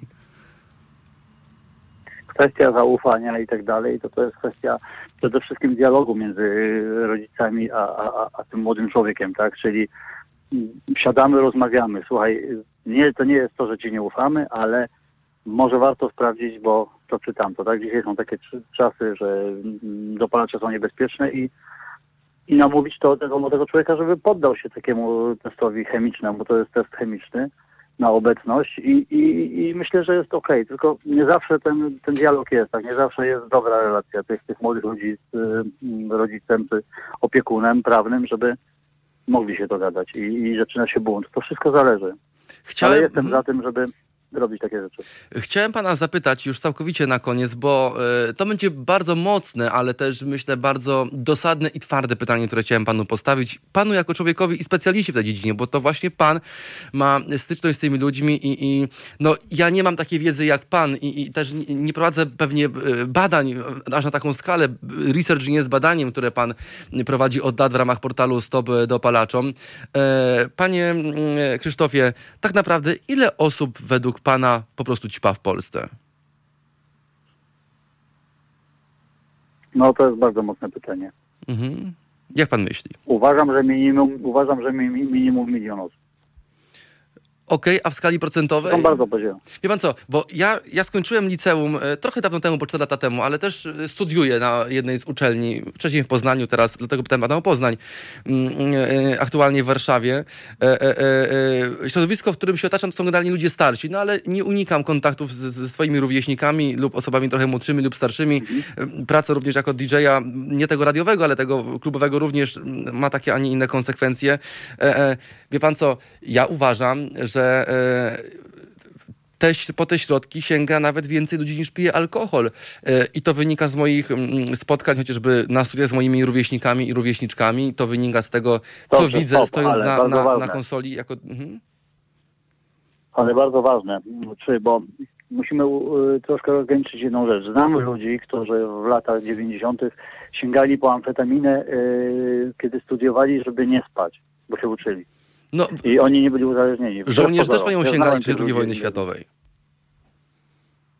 Tak i, i kwestia tego, czy kto, ile razy ktoś, czy, czy ktokolwiek y, w życiu zapalił y, jointa, czy, czy wziął jakikolwiek narkotyk, y, czy nie, no to jest kwestia tego, nie, nie wszyscy są narkomanami i ja nawet nie, lic- nie, nie wliczam w to, że oni biorą, także Jasne, nie no, okej. bo jeżeli nie rozumiem. biorą naprawdę, ale mówię o milion, o, o milionie ludzi, których jestem przekonany, że są uzależnieni.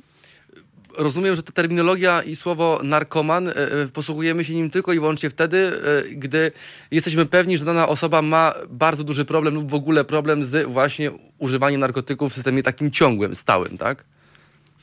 No tak, bo to jest troszkę tak jak z prawem, na zasadzie, że jeżeli Mhm. ktoś nie został skazany wyrokiem prawomocnym, nie jest, jest niewinny, tak? No tak. I, i ja Bardzo trochę tak, na to patrzę, no bo znaczy to bo też przychodzą ludzie, którzy mówią, że są uzależnieni. No ale Mhm. dlaczego? Albo on y, jak był na wakacjach, to on zapalił y, dwa razy trawkę. No, pan, A czym powiedział o trawce, rozmawiamy, a, przy a czym rozmawiamy w listopadzie. okej. na naszej antenie, jak pan no powiedział i- o trawce, pojawił się taki komentarz, y, y, pewnie do pana słów, y, mam nadzieję, że nie moich, lub być może. E, e, jointów to ja już nie liczę. Co by pan powiedział takiej osobie, która już nie liczy jointów? No i kwestia tego, czy nie potrafi już liczyć, czy, czy funkcjonuje po tym dobrze. Okej. E, A jest jakiś No czas... to nie ma, nie ma, nie ma co. To jest tak jak z papierosem, tak? Dlaczego nie rzucasz palenia? Bo lubię. Lubię palić. Mhm. I koniec. Mówię, traw, trawka jest o tyle, nie mogę powiedzieć, że bezpieczna, ale no jest na pewno bezpieczniejsza od, od, od, tej, od tej syntetycznej chemii, bo to jest y, produkt naturalny, po pierwsze. Po drugie, o wiele mniej niszczący niż, niż y, dopalacz, którego nawet nie znamy, nie znamy jego składu i bierzemy truciznę. Nawet kiedyś z cudki na szczury były robione dopalacze. Panie Krzysztofie, zbliża się 30 minut po godzinie 11, więc ostatnie moje pytanie odnośnie marihuany, bo naprawdę mm, e, e, w sumie no nie jestem zdziwiony tym, że mm, ta wzbudza największe kontrowersje, no bo jeżeli jakaś rzecz, jakaś używka ma tyle samo zwolenników, co i przeciwników mm, i jeszcze jest legalizowana przez wiele mocarstw i rządów róż, rozmaitych krajów na całym świecie jako ta e, legalna i, i po prostu akceptowana akceptowalna w systemie prawnym danego kraju jako mm, zwykła używka mm, na jednym poziomie z alkoholem, na jednym poziomie z papierosami i tytoniem, e, e, to o to zapytać muszę, czy możemy ponad wszelką wątpliwość, e, pan jako specjalista również stwierdzić, że długoletnie palenie marihuany mm, wymiernie, to słowo klucz do odpowiedzi na to pytanie, wpływa na rozwój psychiczny człowieka? Na pewno tak, ale palenie papierosów również, w związku z czym i picie alkoholu również. I tutaj mają, tutaj niestety panowie rację, tak, zwolennicy. Natomiast, natomiast nie jestem specjalistą takiej klasy, żeby, żeby powiedzieć, że należałoby, y, y, że dobrze, że jest nielegalna marihuana, czy żeby powiedzieć, że dobrze, żeby ją zale- zale- zalegalizować. Natomiast zastanawiam się nad tym, czy nie dobrze byłoby, żeby fachowcy się zastanowili nad tym, czy jej nie zalegalizować i czy by to wyszło w Polsce. Właśnie w, z powodu mentalności. Bo na pewno, na pewno wyniszcza, ale czy nie byłoby tak, że gdyby była ogólnodostępna legalnie z y, odpowiedniku coffee shopu, y, shopów i czy ona byłaby tak bardzo często na pewno kupowana i czy tak bardzo dużo ludzi mm, przez to by się niszczyło. Tak trzeba byłoby się nad tym zastanowić. To jest, to jest ciekawe. Okej, a, czy pan jest, a, czy pan jest, a czy pan jest za legalizacją marihuany w Polsce? Jestem za zbadaniem tematu. Pod tym kątem rozumiem. Nie tylko dlatego, że jest tak wielu zwo- zwolenników, tylko żeby się zastanowić nad tym, bowiem też wiemy, że ma właściwości lecznicze i należałoby się zastanowić, jak, y, co z tym zrobić. Ale to fachowcy, bardzo duży sztab fachowców, bo będą, część z nich będzie za, część z nich będzie przeciw. To będzie tak zawsze. Panie Krzysztofie, e, jestem e, bardzo panu wdzięczny. Ogromna za... wiedza, ogromne doświadczenie, również medyczne, żeby, żeby to stwierdzić, ale y, na pewno bo długoletnie palenie ni- wyniszcza bardzo marihuany. Panie Krzysztofie, jestem panu bardzo wdzięczny za nasze dzisiejsze spotkanie. To była na pewno bardzo rzeczowa i konkretna dyskusja, za którą panu serdecznie w imieniu swoim i słuchaczy i całej naszej redakcji Również bardzo, dziękuję. bardzo dziękuję. Jestem pewien, że pana głos na pewno mm, nie tylko pomógł tym, którzy nas słuchali i być może borykają się z taką sytuacją i takim problemem, y, o których mówiliśmy dziś na naszej radiowej antenie, ale również mm, jest ciekawą opinią i spostrzeżeniem człowieka, który jest wewnątrz tego wszystkiego. Pan stworzył portal, który mm, e, myślę, że sprawił, że dopalaczom nasz rząd w końcu w tym roku 09, potem w 2012, no zadał taki mm, może nie ostateczny, ale bardzo, bardzo silny cios i, i, i oby takich inicjatyw jak pana więcej i ludzi jak pan również, bo mm, wierzę, że takie osoby jak pan na pewno mm, wpływają na psychikę młodych ludzi i pokazują, że to, co na pozór wydaje się zero-jedynkowe, nie do końca takie jest i ma na pewno wiele więcej odcieni i barw, tych negatywnych i to nam pan dzisiaj również pokazał. Jasne, że tak. Bardzo panu serdecznie dziękuję. Z nami na antenie Krzysztof Również dziękuję Markiewicz. wszystkich serdecznie, pozdrawiam. Dziękujemy również. Portal Stop Dopalaczom dziś był moim i Państwa gościem. Bardzo poważna dyskusja na tematy istotne i na temat ten, że faktycznie w dobie pandemii i epidemii koronawirusa, gdy część młodych ludzi się nudzi, gdy tego czasu mamy sporo, gdy pracujemy w domach, mm, e, e, e, no właśnie, czasami albo nawet i często sięgamy po to, po co wcześniej nawet nie przyszłoby nam do głowy, aby sięgnąć. Mam na myśli narkotyki i dopalacze. Drodzy Państwo, 12% większe zużycie nar- narkotyków i dopalaczy w Polsce. Dopalaczy już niekoniecznie, ale no właśnie, jak mówili nasi specjaliści, na początku pan doktor, pan psychiatra, na, na, e, w, e, następnym e, nasz, nasz gość, pan Krzysztof z portalu 100 dopalaczy mówią jasno, e, gdy te dopalacze jeszcze były no, na wpół legalne, to my przez te etykiety wiedzieliśmy, mm, e, jak ratować tych ludzi. Wiedzieliśmy, co oni zażyli, wiedzieliśmy mm, to, z czym mamy do czynienia. W dobie, gdy te środki dostajemy w tak zwanych samarkach, w tak zwanych złotkach, w jakichś papierkach czy, czy, czy saszetkach, my dokładnie nie wiemy, co oni przyjęli, w jaki sposób to zażyli e, i co krąży w ich krwo, krwioobiegu, przez to znacznie ciężej jest nam zwalczyć z tymi mm, substancjami. Ja cały czas oczywiście czekam na Państwa opinie i Państwa telefony do naszego studia 22 390 59 22. Bardzo cenię sobie Państwa zdanie.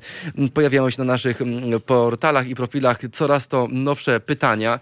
Mm, Państwo również zabierają głos w tej sprawie, co dla nas jest bardzo istotne. Mm, e, e, Oczywiście nasi specjaliści są cały czas do Państwa dyspozycji. E, mój e-mail również bysiek małpa halo.radio.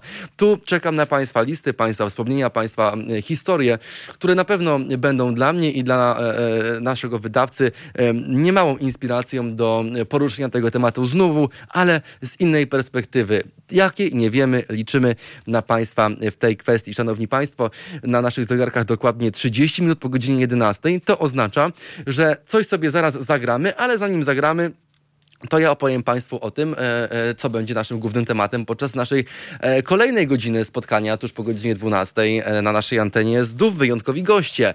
Leszek Mali Bruda, psycholog mediów, opowie nam o tym, jak sytuacja, która, do której doszło wczoraj, czyli zatrzymanie, aresztowanie, przewiezienie na komisariat dziennikarki, fotoreporterki jednej z ogólnopolskich gazet, ma się do sytuacji politycznej w naszym kraju. Podyskutujemy również o tym, czy faktycznie takie zmasowane ataki, taki e, e, no, werbalna agresja policji i służb ukierunkowana właśnie w środowisko dziennikarskie e, jest potrzebna i jakie ona niesie za sobą skutki.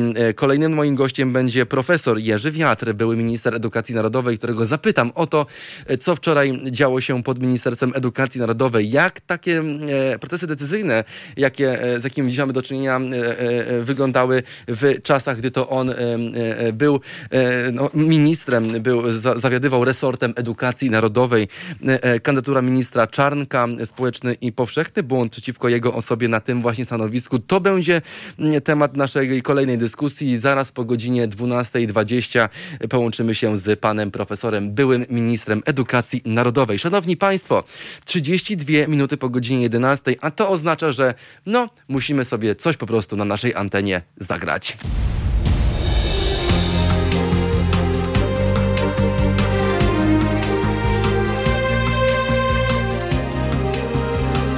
Halo Radio. Tyle energii zaraz przed godziną 12. Kings of My Castle na naszej antenie. Bardzo, bardzo energiczny i przyjemny dla ucha e, beat. Bardzo fajna e, piosenka. My oczywiście e, wracamy do naszych głównych tematów, a dziś mówiliśmy o narkotykach i o tym, jak ich używanie się zwiększyło w dobie epidemii koronawirusa. Przed nami oczywiście kolejni wyjątkowi goście. Wybitny człowiek, pan profesor Jerzy Wiatr już za niedługo będzie, a właściwie za kilka minut naszym gościem gościem. E, były minister edukacji narodowej, człowiek, który o tym resorcie wie wszystko, człowiek, który na pewno mm, mm, z przyjemnością odpowie na Państwa pytania i skomentuje to, co aktualnie dzieje się na ulicach Warszawy.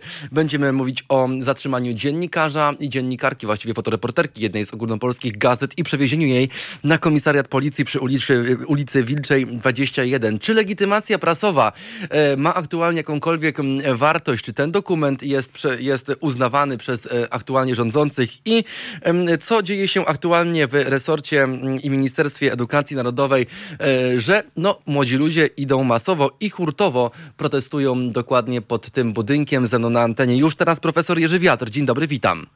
Dzień dobry panie doktorze, dzień dobry państwu. Panie profesorze, e, pan no, pracował w tym resorcie. Pan e, zna to miejsce jak mało kto w Polsce. Jak pan myśli, mm, e, z czego wynika e, taka eskalacja napięcia wokół i ministra Czarnka, a także tego resortu, która skłoniła młodych ludzi, uczniów szkół, liceów, studentów do wyjścia i protestowania w tym miejscu? No ja myślę, że sprawa jest dosyć prosta. Minister Czarnek został powołany już w warunkach bardzo ostrego konfliktu społecznego, który, jak wiadomo, uległ zaostrzeniu wskutek e, niefortunnego orzeczenia tego tak zwanego Trybunału Konstytucyjnego w sprawie drastycznego ograniczenia i tak bardzo ograniczonego prawa do legalnego przerwania ciąży. Otóż powołanie w tym czasie człowieka tak ideologicznie skrajnego jak Przemysław Czarnek było w moim przekonaniu błędem. E, I to patrzę z punktu widzenia błędem rządzących, bo to im szkodzi. Nigdy przez cały okres III Rzeczpospolitej nie było ministra edukacji tak bardzo ideologicznie skrajnego jak obecny. Z jego poglądami, że ludzie LGTB to nie są tacy sami ludzie jak normalni, że trzeba dać sobie spokój z prawami człowieka, jakieś takie bzdury, które opowiadał jeszcze nie będąc ministrem, ale niedługo potem został ministrem. Otóż dla mnie jest bardzo trudne do zrozumienia, czym kierowało się kierownictwo Prawa i Sprawiedliwości, wybierając w takim zwłaszcza momencie takiego człowieka. Jedyne wytłumaczenie, które się pojawia, to to, że chciano w ten sposób jak gdyby pokazać, że nie tylko Zbigniew Ziobro, ale także ludzie z tego trzonu pisowskiego potrafią mówić językiem skrajnie ideologicznym. Teraz za to się płaci, bo jego deklaracje, między innymi o pociąganiu nauczycieli do odpowiedzialności, o takim skrajnym zideologizowaniu programów nauczania i tak dalej, i tak musiały zaostrzyć protest, a ponieważ padły na i tak klimat bardzo takiego wielkiego napięcia emocjonalnego, no więc stało się, co się stało. Mhm, e, panie ministrze, panie profesorze, ja mam wrażenie, że e, pomimo tych słów, które pan e, mówi, pomimo tej opinii, z którą ja no, dosłownie się, no, trudno się z nią nie zgodzić, bo, bo oboje byliśmy świadkami słów, gdy ten minister po prostu mówił o tym, że to nie ludzie, a ideologia, że to e, e, e, są nie ludzie, a, a no, właściwie nie wiem, rzeczy do traktowania, no, nie wiem jak to nazwać. To mówił minister edukacji do osób, które się uczą, do osób, których ścieżka edukacji e, aktualnie po prostu trwa. Mm, zapytam inaczej, czy pan nie ma wrażenia jako minister, że e, e, Jarosław Kaczyński, ten obóz rządzący, nie tylko wręcz nie uznaje, nie odnosi się wprost do tych protestów, ale po prostu próbuje je stłamsić i zdławić w ten sposób, że no, olewa to, co dzieje się pod ministerstwem na ulicach Polski i w wielu innych miastach? Wie pan, panie redaktorze, gdyby na to patrzeć z punktu widzenia czysto pragmatycznego, mhm. to zachowanie Jarosława Kaczyńskiego i kierownictwa Prawa i Sprawiedliwości trzeba by ocenić jako całkowicie niekompetentne i bezsensowne. Mhm. Więc, ale, ale przecież to są sensowni ludzie. Akurat Jarosława Kaczyńskiego znam od wielu lat, nigdy nie byliśmy w bliskich stosunkach, ale znam go na tyle, że odrzucam e, jakieś takie prostackie wytłumaczenie, że to z głupoty się dzieje. Nie, to się dzieje w wyniku pewnej trudnej dla niego sytuacji. Trudna sytuacja polega na tym, że na prawym skrzydle obecnej koalicji rządzącej, bo to jest przecież koalicja trzech ugrupowań. No, ale ma autonomicznego szefa, no wie pan, jakby e, to, że e, tak, jakieś partie są koalicje, to... Na tym skrajnym, na tym prawym skrzydle e, nastąpiła wielka radykalizacja. I teraz Prawo i Sprawiedliwość stanęło przed wyborem. Albo trzeba było się tej radykalizacji przeciwstawić, nawet ryzykując odejść Ziobry czy podobnych do niego ludzi, przejście do swego rodzaju opozycji.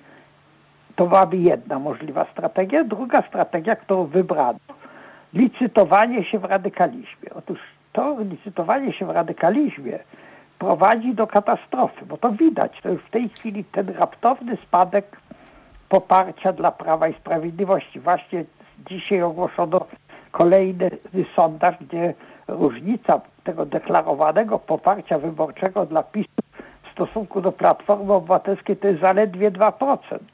Więc to znaczy, że gdyby takie nastroje się utrzymały, to Prawo i Sprawiedliwość przegrywa wybory i to z kretesem przegrywa. Wobec tego myślę, że to jest strategia błędna. Niemniej ona została wybrana wskutek pewnego do strachu przed rozłamem we własnych szeregach. Rezultat jest taki, jaki jest. A przy okazji chcę powiedzieć jeszcze o takiej rzeczy. E, mówi, mówiliśmy o tym Ministerstwie Edukacji. Otóż, jak wiadomo, zanim zostałem ministrem edukacji, byłem publicznie wyrażającym swoje poglądy wielkim krytykiem tej restrykcyjnej ustawy antyaborcyjnej. Mówiłem o tym w Sejmie i tak dalej, bo jestem zdania, że w tych sprawach państwo powinno pozostawiać kobiecie e, wolny wybór. Ale kiedy zostałem ministrem, kiedy złożyłem przysięgę, że będę szanował prawo Rzeczpospolitej, to ani razu nie wypowiedziałem się publicznie w tej sprawie.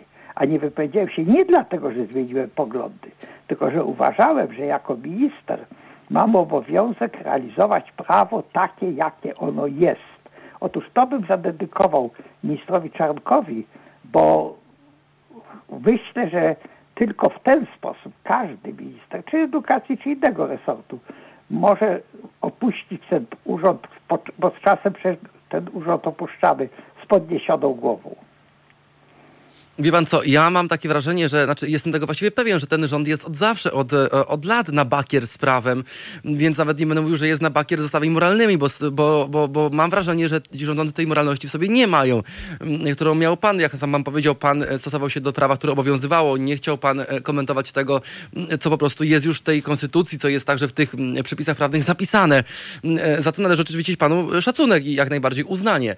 Jednak chciałem zapytać pana o drugą stronę tego medalu, bo my mówimy tutaj o, o protestującej młodzieży, o tym, jak pan Czarnek wpływa negatywnie na resort i na Ministerstwo Edukacji Narodowej, na przebieg tej drogi edukacyjnej, tej ścieżki e, e, naukowej wśród młodych ludzi, ale nie możemy uniknąć pytania o to, czy nie ma pan wrażenia, znając oczywiście również Jarosława Kaczyńskiego jako polityka, jako też stratega, bo, bo, bo, bo takie łatki się mu przypisuje, że właśnie ten człowiek próbuje e, wzbudzić, dokonać takiej eskalacji społecznych napięć właśnie wysuwając tak kontrowersyjne osoby i, i, i dając im takie, a nie inne rządy. Pan Ruś mówił o, o koalicji.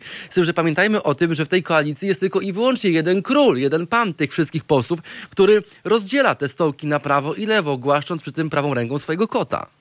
No tak, ale ten sam człowiek jeszcze nie tak dawno działał znacznie bardziej umiarkowany. Wiele jego posunięć było kontrowersyjnych, ale na przykład to nie jest przypadek, że przez całą pierwszą kadencję trzymano na uwięzi tych skrajnych fanatyków domagających się całkowitego zakazu aborcji i tak dalej. Dlaczego to się dzieje teraz, a nie stało się na przykład trzy lata temu? Coś się zmieniło w rządzącym ugrupowaniu i moim zdaniem zmieniło się to, że Kaczyński przestraszył się tych swoich radykałów. Ci radykałowie grają z kolei na to, żeby przejąć kierownictwo tego obozu. Liczą się z tym, że Kaczyński nie będzie wieczny.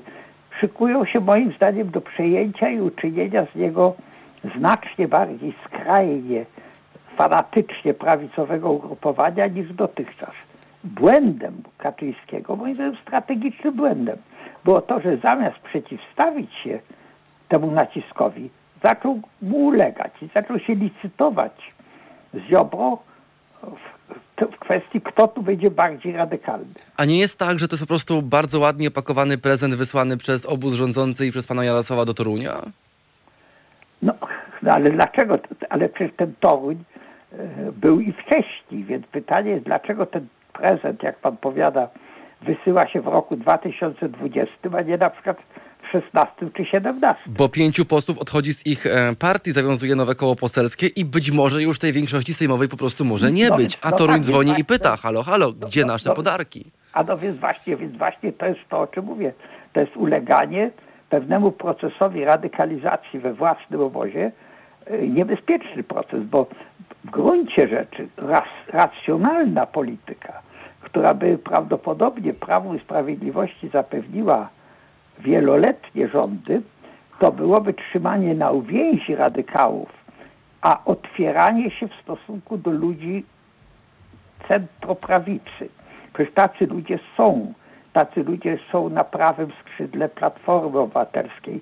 Tacy ludzie są w Polskim Stronnictwie Ludowym i tak dalej. Tam byłoby co łowić. Tylko jeżeli się idzie w kierunku skrajnie e, radykalnym, to się tych ludzi traci. No, ale też zyskuje tych, którzy potem podpalają mieszkania na Marszu Narodowców i krzyczą, że nie podobają się rząd no tak, PiS, bo też mówili im po prostu wyjdźcie z tej grupy.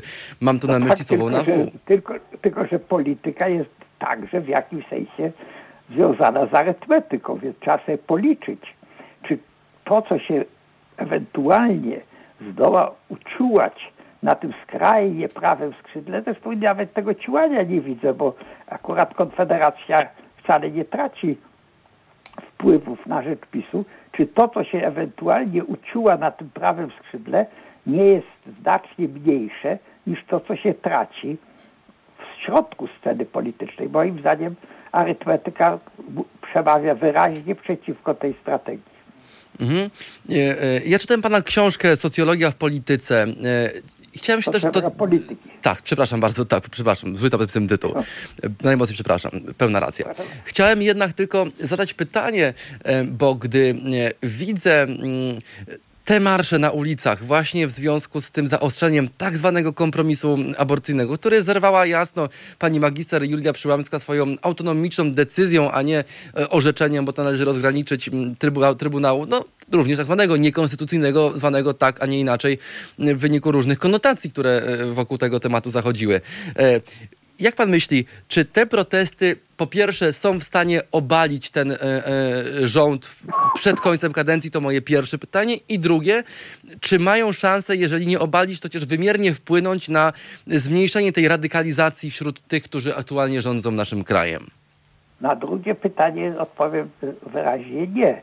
Te protesty wywołują po stronie rządzących rosnącą radykalizację e, i, i pogłębiają polaryzację. Natomiast pytanie obalić rządy przed końcem kadencji. E, Kadencja oczywiście może zostać skrócona. Jeżeli panu, e, jeżeli pan ma na myśli to, to tego bym nie wykluczał. Wcześniejsze Natomiast- wybory mam na myśli. tak, wcześniejsze wybory. To jest możliwe, dlatego że jeżeli jeszcze w kierownictwie PiSu kołacze się jakaś reszta realizmu politycznego, to powinni się zastanowić nad taką sytuacją. Czy lepiej jest iść na wybory, kiedy PiS ma jeszcze poparcie rzędu 30%, i sądząc z tych e, sondaży, jakie mamy, czy czekać, aż to poparcie spadnie do poziomu 10%. Nieuchronna konsekwencja przedłużania się tej agonii, bo to jest agonia pewnego systemu władzy, będzie taka, że na końcu drogi PiS nie tylko przegra wybory, ale zostanie zredukowany do rzędu trzeciorzędnej partyjki. Pani Więc- profesor... Mhm.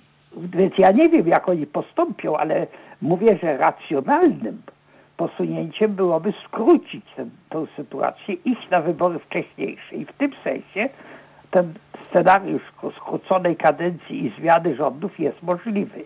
Ale czy się na to Jarosław Kaczyński zdecyduje, o to proszę zapytać już jego.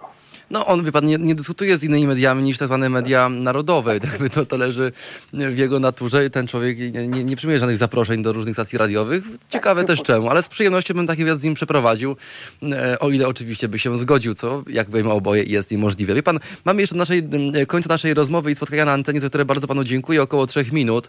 E, Chciałem zapytać, co pan by powiedział tym młodym ludziom, którzy m, wczoraj i dziś stoją pod e, Ministerstwem Edukacji Narodowej, którzy są aresztowani przez policję, których, którym stawia się zarzuty, mają po 17 lat. Mamy dokładnie minutę 30. Co pan by im poradził jako były minister tego resortu? Użyłbym języka młodzieżowego i powiedziałbym wielki szacun. I z tym akcentem, tym miłym akcentem i słowem szacun e, e, zakończmy tę dyskusję. Panie profesorze, bardzo dziękuję za dzisiejsze spotkanie na antenie Halo Radio. Mam nadzieję, że ci młodzi ludzie, którzy nas słuchali, mm, może nie pójdą po rozum do głowy, ale chociaż ta liczba 15%, to co wynika z najnowszych badań Ipsos, którzy nie, nie wiedzą na kogo głosować i w ogóle nie chodzą na wybory, zmniejszy się i w wyniku tej, e, tej zmiany coś i również w naszym kraju się po prostu zmieni. Dziękuję panu. Dziękuję, Dziękuję pięknie, przyjemnego dnia życzymy. E, Szanowni Państwo, za nami spotkanie z byłym ministrem edukacji e, narodowej, panem profesorem Jerzym e, Wiatrem. To już za nami, przed nami ostatnia godzina naszego spotkania, a my oczywiście nie przedłużając, tym razem, jak tradycja nam w Halo Radio nakazuje, zagramy Państwu hymn nasz wspólny i nasz również hymn europejski. To wszystko przed nami. Oczywiście ja tylko jeszcze powiem Państwu kilka słów na temat tego, co będzie po godzinie 13, bo po godzinie 13 będziemy mieli jeszcze kolejnego wyjątkowego gościa, pan Leszek Mali Bruda, e, człowiek, e, który o mediach wie wszystko, psycholog mediów, e, jest, będzie moim i Państwa gościem. Z nim właśnie podyskutuję o tym, jaką wartość dziś ma legitymacja prasowa. Czy ten dokument jest ważny i czy powinien być, a je, bo jeżeli nie jest oczywiście uznawany przez organy ścigania, przez policjantów, którzy zabezpieczają rozmaite manifestacje. W Warszawie i nie tylko. E, także drodzy Państwo, to wszystko przed nami. Oczywiście nasz numer telefonu 22 390 59 22 jest cały czas do Państwa dyspozycji. Podobnie jak pole z komentarzami w serwisie Facebook, YouTube, a także Mixcloud, gdzie przypomnę, idąc em, śladem Mariusza Gzyla, tu jak tu pole, ukośnik tu Halo Radio, to nasz nowy adres po slashu, wpisując adres Mixcloud, gdzie również Państwo mogą nas nie tylko posłuchać, ale i zobaczyć, bo nasze transmisje ze studia Halo Radio są również w formie wideo, co znacznie ułatwia nam również kontakt z Państwem. Ja czekam również na Państwa spostrzeżenia mm, na swojej skrzynce e-mailowej, którą również oddaję e, do Państwa dyspozycji bysiek małpa halo.radio. E, Liczę na Państwa spostrzeżenia, Państwa komentarze do moich i Państwa spotkań z naszymi gośćmi na naszej antenie. Jest to bardzo ciekawe i angażujące czytanie właśnie listów od Was, bo w oparciu o nie e, staram się budować każde moje kolejne spotkanie z wyjątkowymi osobami na naszej radiowej antenie. Mm, To wszystko przed nami. Ja też e, jestem ciekaw Państwa zdania e, i tego, czy w Państwa miastach również dochodzi do takiej no, niebywałej agresji w kierunku e, dziennikarzy wykonujących swoją pracę. Mm, Temat, który na pewno budzi niemałe emocje i temat, który powinien być raz na zawsze wyjaśniony. Jaka jest rola dziennikarzy w społeczeństwie? Moim zdaniem jest bardzo ważna. Jest ona wręcz najważniejsza, ponieważ to my jesteśmy tym przekaźnikiem, to my jesteśmy tym mostem pomiędzy państwem a tym, co dzieje się właśnie w Sejmie, w Ministerstwach Edukacji Narodowej chociażby i wielu innych resortach. Staramy się te informacje dla Państwa przekazywać, kolekcjonować i puszczać dalej w eter, podobnie jak fotoreporterzy, którzy właśnie przy pomocy swoich obiektywów i aparatów fotograficznych dokumentują mm, e, to, e, e, jak wyglądają protesty. Te zdjęcia, te niejednokrotnie oburzające wszystkich nas filmiki są czasami dowodami w sprawach sądowych, więc ta praca jest tym bardziej ważna i istotna. Bez tego nie byłoby świata mediów, bez tego nie byłoby rzetelnej i prawdziwej informacji. Drodzy Państwo, ja bardzo, bardzo wolnym krokiem zbliżam się do godziny 12, bo o tej godzinie, jak już powiedziałem wcześniej, zagramy Państwu dwa hymny. Hymny, które powinny i na pewno, w co wierzę oczywiście, jednoczą nas wszystkich. Hymn e, nasz narodowy i hymn Unii Europejskiej. Unii, w której my się znajdujemy, a której tak bardzo brzydzą się i wstydzą się e, ci zatwardziali, ci skostniali e, e, po drugiej stronie, którzy niekoniecznie e, lubią uznawać nasze poglądy i za nic mają sobie wolność słowa. To wszystko już teraz na antenie Halo Radio.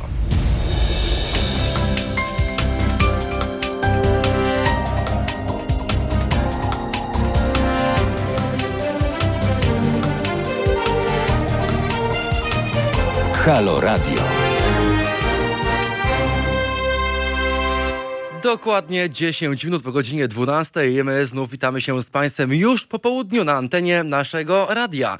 Dziś, drodzy Państwo, dyskutujemy sobie o wielu istotnych kwestiach. Byli naszymi dzisiaj gośćmi pan Krzysztof Markiewicz, był również profesor Jerzy Wiatr.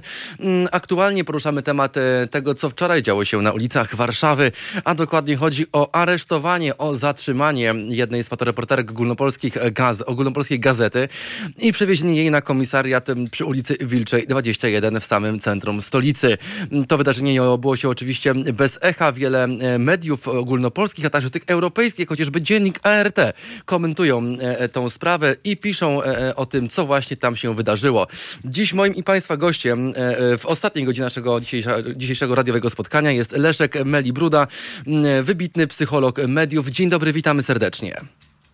Dzień dobry panu, dzień dobry państwu. E, Mam pytanie, ile według Pana aktualnie warta jest w takim razie w myśl tych wydarzeń i tego, co stało się wczoraj, legitymacja prasowa i czy w ogóle ma jakąkolwiek wartość w odniesieniu do tych wydarzeń, które pamiętamy ze wczorajszych obrazków pod ministerstwem?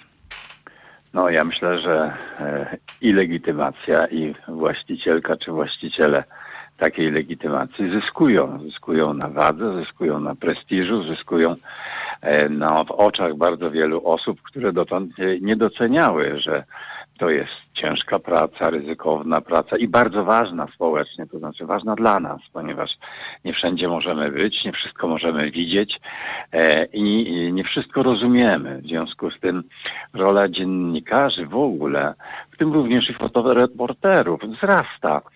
Oczywiście mówię o tych mentalnościach, które używają przodomózgowia, a więc myślą racjonalnie, a nie tyłomózgowia, czyli reagują emocjonalnie. Jak pan myśli, czy takie e, wydarzenie, to już nie jest pierwszy raz, kiedy faktycznie atakowane jest środowisko dziennikarskie w bezprecedensowy sposób, w sposób haniebny to należy podkreślić, bo e, określenie jako czynną napaść na policjanta na służbie, pstryknięcia e, lampy, czyli flesza tak zwanego w aparacie, no chyba nie jest adekwatnym stwierdzeniem do zaistniałej sytuacji wówczas tam na miejscu. No myślę, że dla każdej zdrowo myślącej osoby to jest oczywiste, że to jest pretekst, że to nie jest y, akt przemocy, a wręcz przeciwnie, że zachowanie, powiedziałbym, profesjonalne wzbudza e, agresję, złość. Przy czym mam takie wrażenie, mm, że to zjawisko, o którym mówimy, ma głębsze korzenie. Również moje wrażenie jest takie, że nie wszyscy e, widzą w tym te głębsze korzenie. To znaczy, że jako pretekst takie zachowanie policji ma czemuś służyć. Nie wszyscy chcą wierzyć, że policja może reagować inaczej niż to deklaruje, a deklaruje przecież szczytne założenia e, ochrony i opieki e, wobec każdego z nas. A zachowania wielu policjantów, szczególnie w Warszawie, ukazują, że jest inaczej i że wielokrotnie różnego typu czynności policyjne mają służyć tym głębszym, ukrytym e, przed nami, przed społeczeństwem motywom, e, które zmierzają do tego, ażeby coś zakomunikować. I to nie tylko coś, ale też komuś. No i tak dokładnie to nie możemy tego zdefiniować. Możemy się domyślać, że takie zachowania są pewnym komunikatem i nie mają nic wspólnego z rzeczywistością. Wiele osób ma kłopoty z rozróżnianiem rzeczywistości, którą widzi i słyszy, od rzeczywistości, jaką ona naprawdę jest. A czy pan myśli, że takie wydarzenie może wymiernie wpłynąć na takie poczucie strachu i lęku wśród właśnie dziennikarzy, reporterów, fotoreporterów w Warszawie i generalnie we wszystkich miastach w Polsce? Tak myślę, że tak może być i że to wcale nie dotyczy tylko i wyłącznie dziennikarzy. Chociaż w pierwszym planie, jakby docelowo, to zachowanie e, jest zorientowane w taką grupę zawodową, ale ono ma szerszy horyzont, bo dlatego, że zaczynamy wszyscy się bać.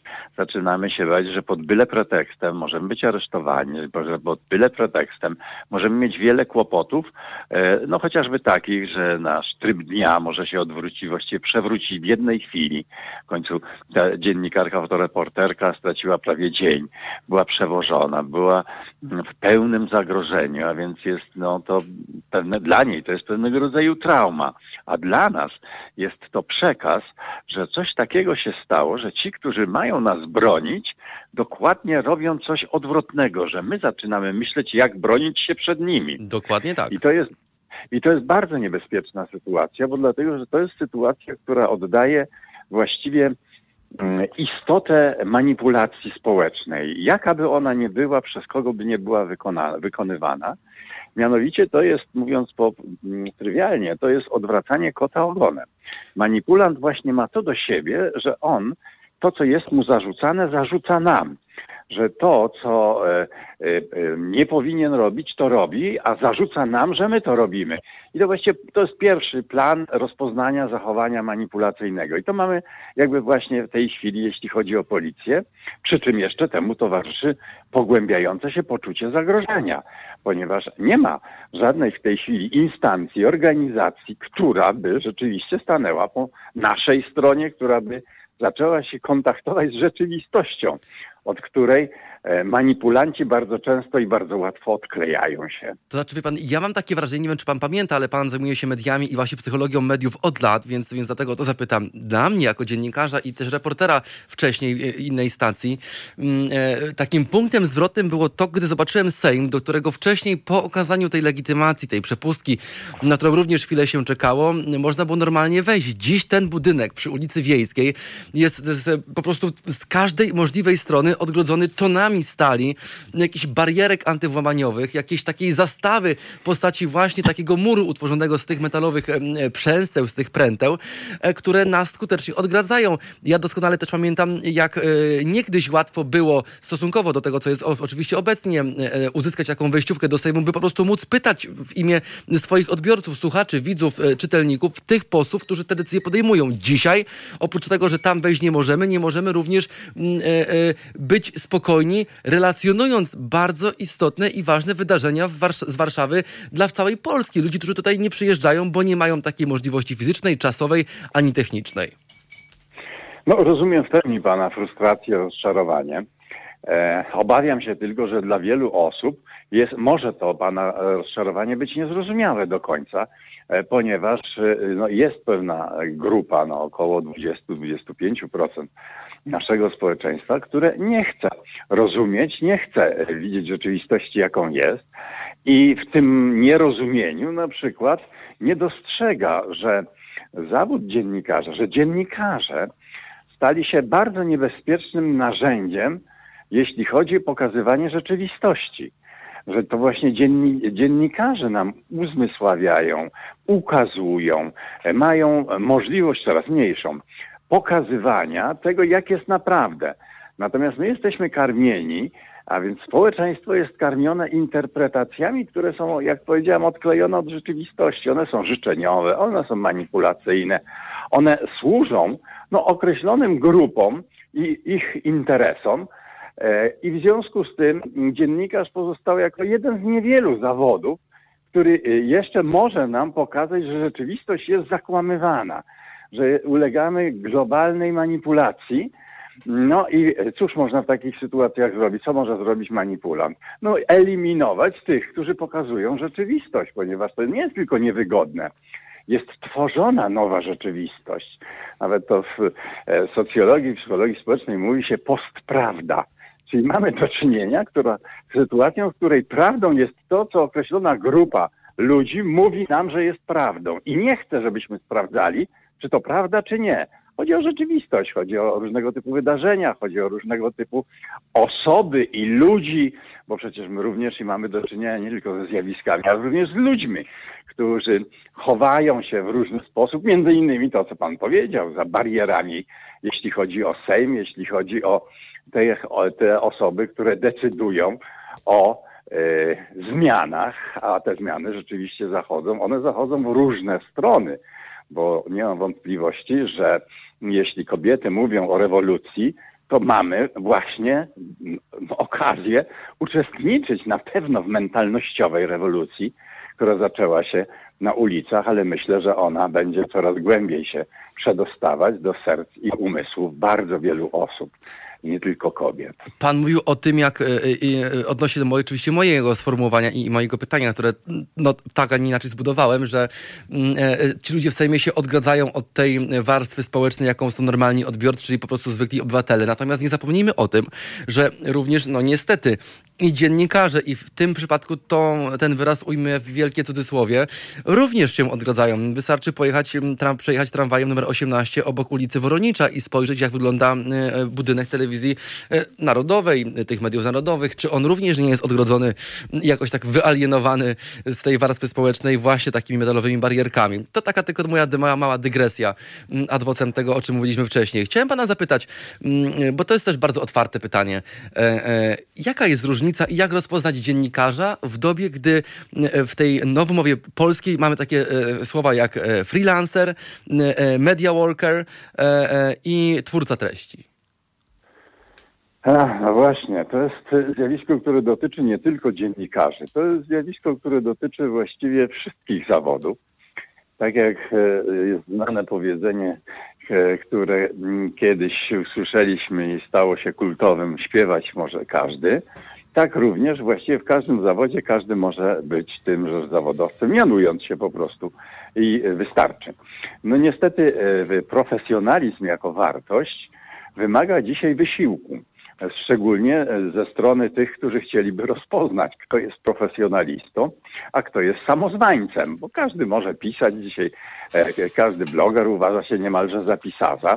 E, oczywiście nikomu nie chcę zarzucać, że bycie blogerem to coś złego, ale nie każdy bloger jest po prostu osobą na tyle rzetelną, na tyle e, ciekawą, na tyle interesującą, ażeby można go uznać za zawodowca chociaż jeśli zarabia pieniądze, niektórzy mówią, że wystarczy zarabiać i być i to, to nas czyni zawodowcami. Więc, tak. E, ale, ale mm, rzeczywiście e, profesjonalizm jest niezwykle trudny do wyceny, a jeszcze do tego szybkiej diagnozy. E, I w związku z tym mamy rzeczywiście do czynienia z mnóstwem ludzi, którzy piszą, którzy mm, mówią, którzy się pokazują i którzy się uważają za e, profesjonalistów. Nieszczęście polega na tym, że dla bardzo wielu osób wystarczy, że oni piszą, mówią i się pokazują, a żeby ich klasyfikować, szufladkować, że to są właśnie zawodowcy, a więc, a więc na przykład dziennikarze. Mamy tutaj e, do czynienia ze zjawiskiem, które się nasiliło, bo tego nie było jeszcze 10 lat temu. I e, jest to zjawisko oczywiście związane z szerszym kontekstem, z innymi zjawiskami społecznymi, takimi jak powierzchowność, takimi jak myślenie na skróty, e, takimi jak w coraz większym stopniu e, oduczanie się od myślenia racjonalnego, krytycznego, bacznego, uważnego. To są takie wartości, które trochę zanikają i dla wielu są to takie postawy, które uczyć się muszą od początku ponieważ jest to dla wielu wysiłek. A ogólna tendencja, e, po której kroczy większość e, ludzi, bo to nie tylko społeczeństwa naszego, to jest kierunek komfort. I w związku z tym, jeśli do komfortu dodamy właściwości naszego mózgu, niestety, albo stety, nie wiem, które, które głównie opierają się na oszczędnościowych, e, oszczędnościowych reakcjach, a więc nasz mózg chodzi na skróty i my czasami podążamy za nim. To jest jeden z powodów, dla których komfort i skróty czynią nas bezradnymi wobec samozwańców, pseudodziennikarzy, pseudospecjalistów, pseudoekspertów, i w ogóle pseudo rzeczywistości. No ale idąc na te skróty, nie możemy zapominać o elementarnych zasadach logiki i, i, i takim fundamencie właśnie e, tejże logiki. Jeżeli wie pan, pan zajmuje się, tak jak powiedziałem wcześniej, przedstawiając pana e, osobę na naszej antenie jako człowiek, który zajmuje się psychologią mediów nie od dziś, to proszę mi powiedzieć, na jakie skróty myślowe muszą iść odbiorcy, muszą iść pracownicy, chociażby telewizji polskiej, której udowodniono niejednokrotnie po prostu kłamstwo na antenie. Czy to również są dziennikarze? No i jakie skróty myślowe lub życiowe ci ludzie muszą wybierać, żeby brać w takiej farsie udział? O, jest wiele opisanych takich zjawisk, zaczynając od dysonansu poznawczego, który polega na tym, że w sytuacji, kiedy człowiek staje w, wobec konfliktu, na przykład jeśli chodzi o prawdę i kłamstwo, to okoliczności, czyli kontekst społeczny, a do kontekstu społecznego należą również i wszystkie wymiary materialne, powodują, że ludzie przestają widzieć i wierzyć w prawdę i w neoprawdę czy postprawdę łatwiej im jest wierzyć, co więcej nawet stawać po stronie kłamstwa. To jest bardzo ciekawe, wie pan, zjawisko. E, e, trochę nowe, jeśli chodzi o skalę społeczną, e, mianowicie, że spora liczba ludzi potrafi zakłamać się, ale nowość również zjawiska, to jest właściwie świeża sprawa, ponieważ ona została zbadana w okresie ostatnich dwóch, trzech lat w Stanach Zjednoczonych, jeśli chodzi e, o e, sojuszników prezydenta, którzy to wyborcy amerykańscy byli często w sytuacji, w której wiedzieli, że prezydent Trump kłamie. I dotąd myśleliśmy, że oni właśnie w wyniku tego procesu psychicznego, jakim jest dysonans poznawczy, po prostu przestają wierzyć w to, że to jest kłamstwo i zaczynają wierzyć, że kłamstwo jest prawdą. Ale badania te wykazały, że jest znaczna część ludzi, którzy wiedzą o tym, że to jest kłamstwo i nie, roz, nie rozstają się z tym kłamstwem, a więc prowadzą jakby takie wewnętrzne, podwójne życie. I to, to co ich cementuje w tym pod... Nie, wie pan, właśnie to nie jest dramat, ponieważ istnieje taki czynnik społeczny, który mówi o tym, że to jest takie jakby wyższa konieczność kłamstwa. w imię dobra wspólnego, w tym przypadku w imię do, dobra konserwatystów. Konserwatyści uważają, że nawet kłamstwo jest dobre, jeśli ono służy nam i naszym sprawom. I to jest niezwykłe, ponieważ ten argument można przenieść na nasze warunki. To znaczy są ludzie, którzy e, albo będą oswajali kłamstwo i wtedy przestają myśleć krytycznie, albo będą żyć podwójnym życiem, że będą wiedzieć, że to jest kłamstwo, ale będą traktować to nie jako kłamstwo, tylko pewnego rodzaju narzędzie, sposób na to, żeby realizować inne dobre rzeczy. I tu ma Pan odpowiedź, dlaczego niektórzy dziennikarze uważają, że to, co robią, kłamią, to, co robią y, nieprofesjonalnie, jest dobre i y, to zaliczają na e, poczet swojego profesjonalizmu, bo to utrzymuje określoną grupę odniesienia. I to jest nowość. Pełna zgoda Życie w kłamstwie staje się dla niektórych normalnością, nową normalnością. Pełna zgoda to jest bardzo ciekawe zjawisko w, w kategorii właśnie socjologii, rozpatrywania tego, te, te, tego tematu w takim szerokim spektrum, mam na myśli całego społeczeństwa. Pan skomentował i, i bardzo ciekawie odniósł się i zarazem opowiedział o tym, jak e, takie e, właśnie e, nasłuchiwanie, ślepe nasłuchiwanie, ślepe oglądanie tych mediów, e, o, o których powiedziałem wcześniej na początku mojego wywodu, mm, jak ono działuje psychologicznie na ludzi, czyli na tych odbiorców, tych, którzy są, mm, którzy śledzą te treści w internecie lub w innej formie. Natomiast ciekawi mnie inna sprawa. Jak z psychologicznego z punktu widzenia ta sytuacja może wyglądać na chociażby posłów? No bo wie pan, przyjdzie jakaś taki dzień, że ten rząd albo będzie zmieniony, albo po prostu zakończy swoją kadencję i na, w ich miejsce tych ludzi przyjdą inni ludzie. Więc jak ta grupa dziennikarzy, która już ma taki dysonans poznawczy i godzi się na, tą, na to życie w ułudzie, w tym kłamstwie, poradzi sobie z nową rzeczywistością, która no, będzie ich nieuchronnie czekać? Ale dla nich ta nowa rzeczywistość wcale nie idzie tym wątkiem, którym pan myśli i ja. Mhm. I wielu y, z Polaków. Y, Tam jest myślenie, po pierwsze, zaprzeczające. To jest trochę tak, wie pan, jak w alkoholizmie i innych uzależnieniach. Okej. Mianowicie pierwsza reakcja to jest reakcja zaprzeczenia. To nie ja jestem pijany, to świat jest pijany. To nieprawda, Tak. że jestem zamroczony. No więc to jest mniej więcej ten sam e, mentalny sposób bronienia się przed rzeczywistością.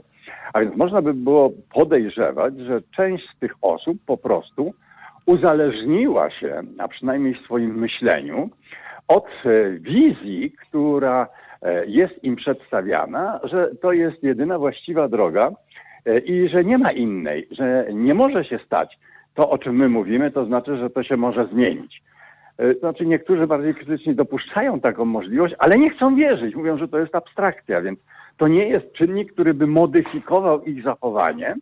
Poza tym zawsze się może podłączyć takie myślenie, zobaczymy. Pożyjemy, zobaczymy. Zobaczymy, jak to będzie. Teraz jest teraz i zajmujemy się tym, czym jest i za to, że sobie bierzemy pieniądze, wykonujemy najlepiej, jak potrafimy. I to jest taka dewiza wielu dziennikarzy, którzy może to nie wiem, czy jak najlepiej, e, jak potrafimy, to jest dobrym miernikiem profesjonalizmu, ponieważ też czasami obserwuję zachowanie niektórych osób i jestem przerażony, jak na niskim poziomie, niskim poziomie komunikacji społecznej, niskim poziomie werbalizacji, niskim poziomie ekspresji werbalnej i pozawerbalnej znajdują się niektórzy dziennikarze. No ale oczywiście można to zarzucić też i innym, także to nie jest specyfika wyłączna dla tamtej grupy. No w każdym razie podsumowując, można powiedzieć, że e, istnieje wiele mechanizmów e, i społecznych, i psychologicznych, indywidualnych, które powodują, że ludzie utwardzają się w swoich przekonaniach, które są odległe od rzeczywistości, które są e, wpływem manipulacyjnych metod stosowanych przez sterników globalnej, globalnej świadomości, a tak można by powiedzieć, tych, którzy wyznaczają pewne kierunki i tych, którzy budują pewne wizje przyszłości oraz przedstawiają e, w fałszywe, fałszywym wymiarze wartości, które wszyscy chcemy wierzyć. Ja na sam koniec naszego bardzo ciekawego spotkania chciałem panu zadać pytanie, czy myśli pan, że mm, e, to, co wczoraj wydarzyło się właśnie na, przy ulicy Wilczej, e, wcześniej pod Ministerstwem Edukacji Narodowej, jeszcze wcześniej na Marszu Niepodległości, gdy postrzelono dziennikarza mm, bronią gładkolupową w twarz po prostu, e, 7, 7 mm e, kulą. Mam do pana pytanie, czy myśli pan, że taki werbalny już atak na właśnie mm, środowisko dziennikarzy ma jakikolwiek, być może jak, jakkolwiek wpłynąć wymiernie na mm, stan obecnych rządów w Polsce? Czy coś w wyniku tych zdarzeń, tych perturbacji może ulec zmianie? Mam tu na myśli chociażby wcześniejsze wybory lub zmianę nastawienia rządzących do właśnie środowiska dziennikarskiego w Polsce. Pan, nie można wykluczyć efektu kumulacyjnego, bo same te epizody, tak to nazwę, przez duże E, e, nie sądzę, aby były e, czynnikiem e, gwałtownej zmiany, jeśli chodzi o tych, którzy trzymają stery. Natomiast efekt kumulacyjny może doprowadzić do tego, że e, spora liczba osób po prostu e, nie wytrzyma. Wie pan, to jest trudne, bo dlatego, że e, podziały w, zakresie postaw przebiegają na różnych liniach, ale głównie przebiegają w domach. W związku z tym jednym z czynników, dla których nie ma radykalnych zmian, również ci ludzie nie okazują radykalnych swoich postaw, to jest to, że są e, hamowani, blokowani czasami przez swoich najbliższych, którzy po prostu należą do właśnie tej e, opcji, która nie chce widzieć rzeczywistości taką, jaką jest. Czyli do W elity. związku z tym, no nie nazwałbym No, to, elitą, to słowo, to słowo jest, ma ciekawy wydźwięk. osoby wybrane, o tak Osoby wybrane, tak, tak. Przez jedną inną osobę. No, bliższe prawdy. tak. Natomiast y, czy rzeczywiście to może skończyć się w taki sposób, że nastąpi y, systemowa zmiana? Tego nie jestem pewien, bo nie, nie, nie ma jeszcze innego bardzo ważnego czynnika, mianowicie nie ma wyraźnych przywódców. To znaczy zaczynają się w jakiś tam sposób y, kształtować y, pewne postacie, które no, przez już dłuższy czas, a więc dobrych parę miesięcy, wybiły się, że tak powiem, w popularność pozytywną w naszym społeczeństwie i się trzymają. Ale, y, ale czy one uzyskają rzeczywiście rozmach, który by promieniował na e, inne grupy poza tymi, którzy w tej chwili e, ich e, akceptują, no to zobaczymy. Myślę, że to nie będzie takie proste, ponieważ, ponieważ mechanizmy wie pan, kreowania takich liderów świadomości zbiorowej są bardzo złożone i to nieprawdą jest, że wystarczy być charyzmatyczną postacią dzisiaj, ażeby pociągnąć ludzi ze sobą i to nie tylko na ulicę, myślę szerzej.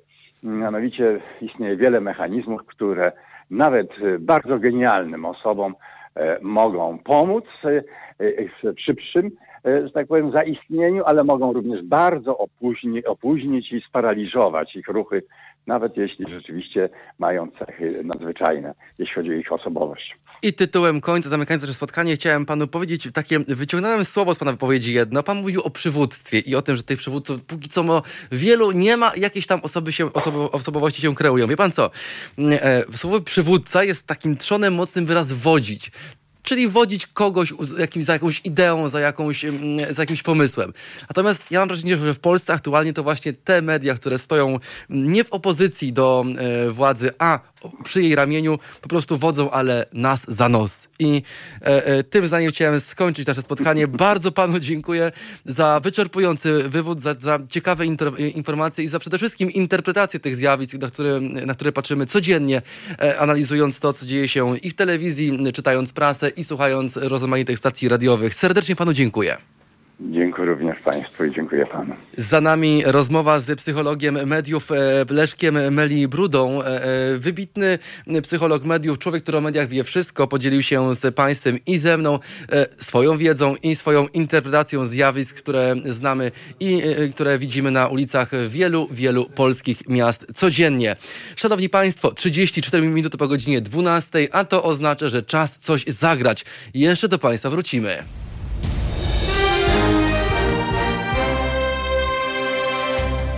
Halo Radio. Gadamy i trochę gramy.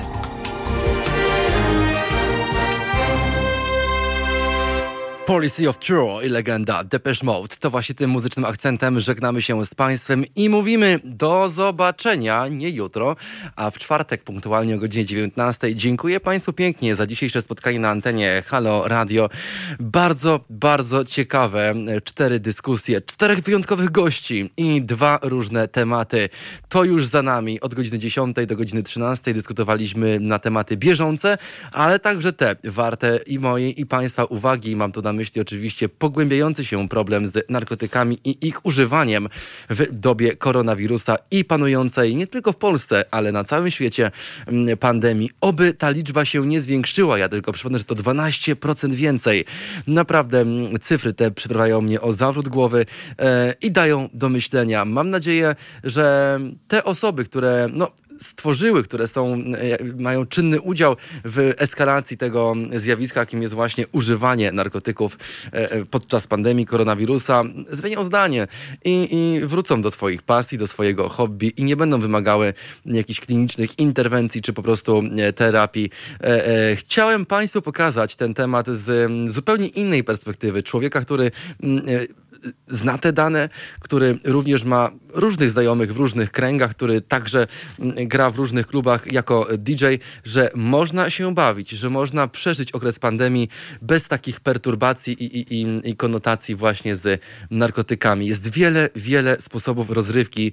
Jest naprawdę e, życie bardzo kolorowe i tyle miejsc do zwiedzenia, że szkoda tracić czas i życie na po prostu ćpanie. To był y, y, przekaz, który chciałem Państwu y, dzisiaj, no, chcę powiedzieć przekazać, zabrakło mi słowa, przepraszam najmocniej, którym chciałem się z Państwem e, podzielić. W drugiej części dyskutowaliśmy o haniebnych działaniach e, obozu rządzącego i, i, i policji, mm, e, które są wprost ukierunkowane, by zastraszyć i dziennikarzy, by, byśmy my mieli jakieś obawy i, i, i by mm, komentować rzeczywistość w inny sposób, taki bardziej przychylny rządowi. To nigdy nie nastąpi. Tu wolne media, media obywatelskie. Adam Bysiek, dziękuję Państwu pięknie za te wyjątkowe trzy godziny na antenie Halo Radio, a my spotykamy się na naszej antenie już w e, czwartek, punktualnie o godzinie 19. Dobrego dnia i do zobaczenia.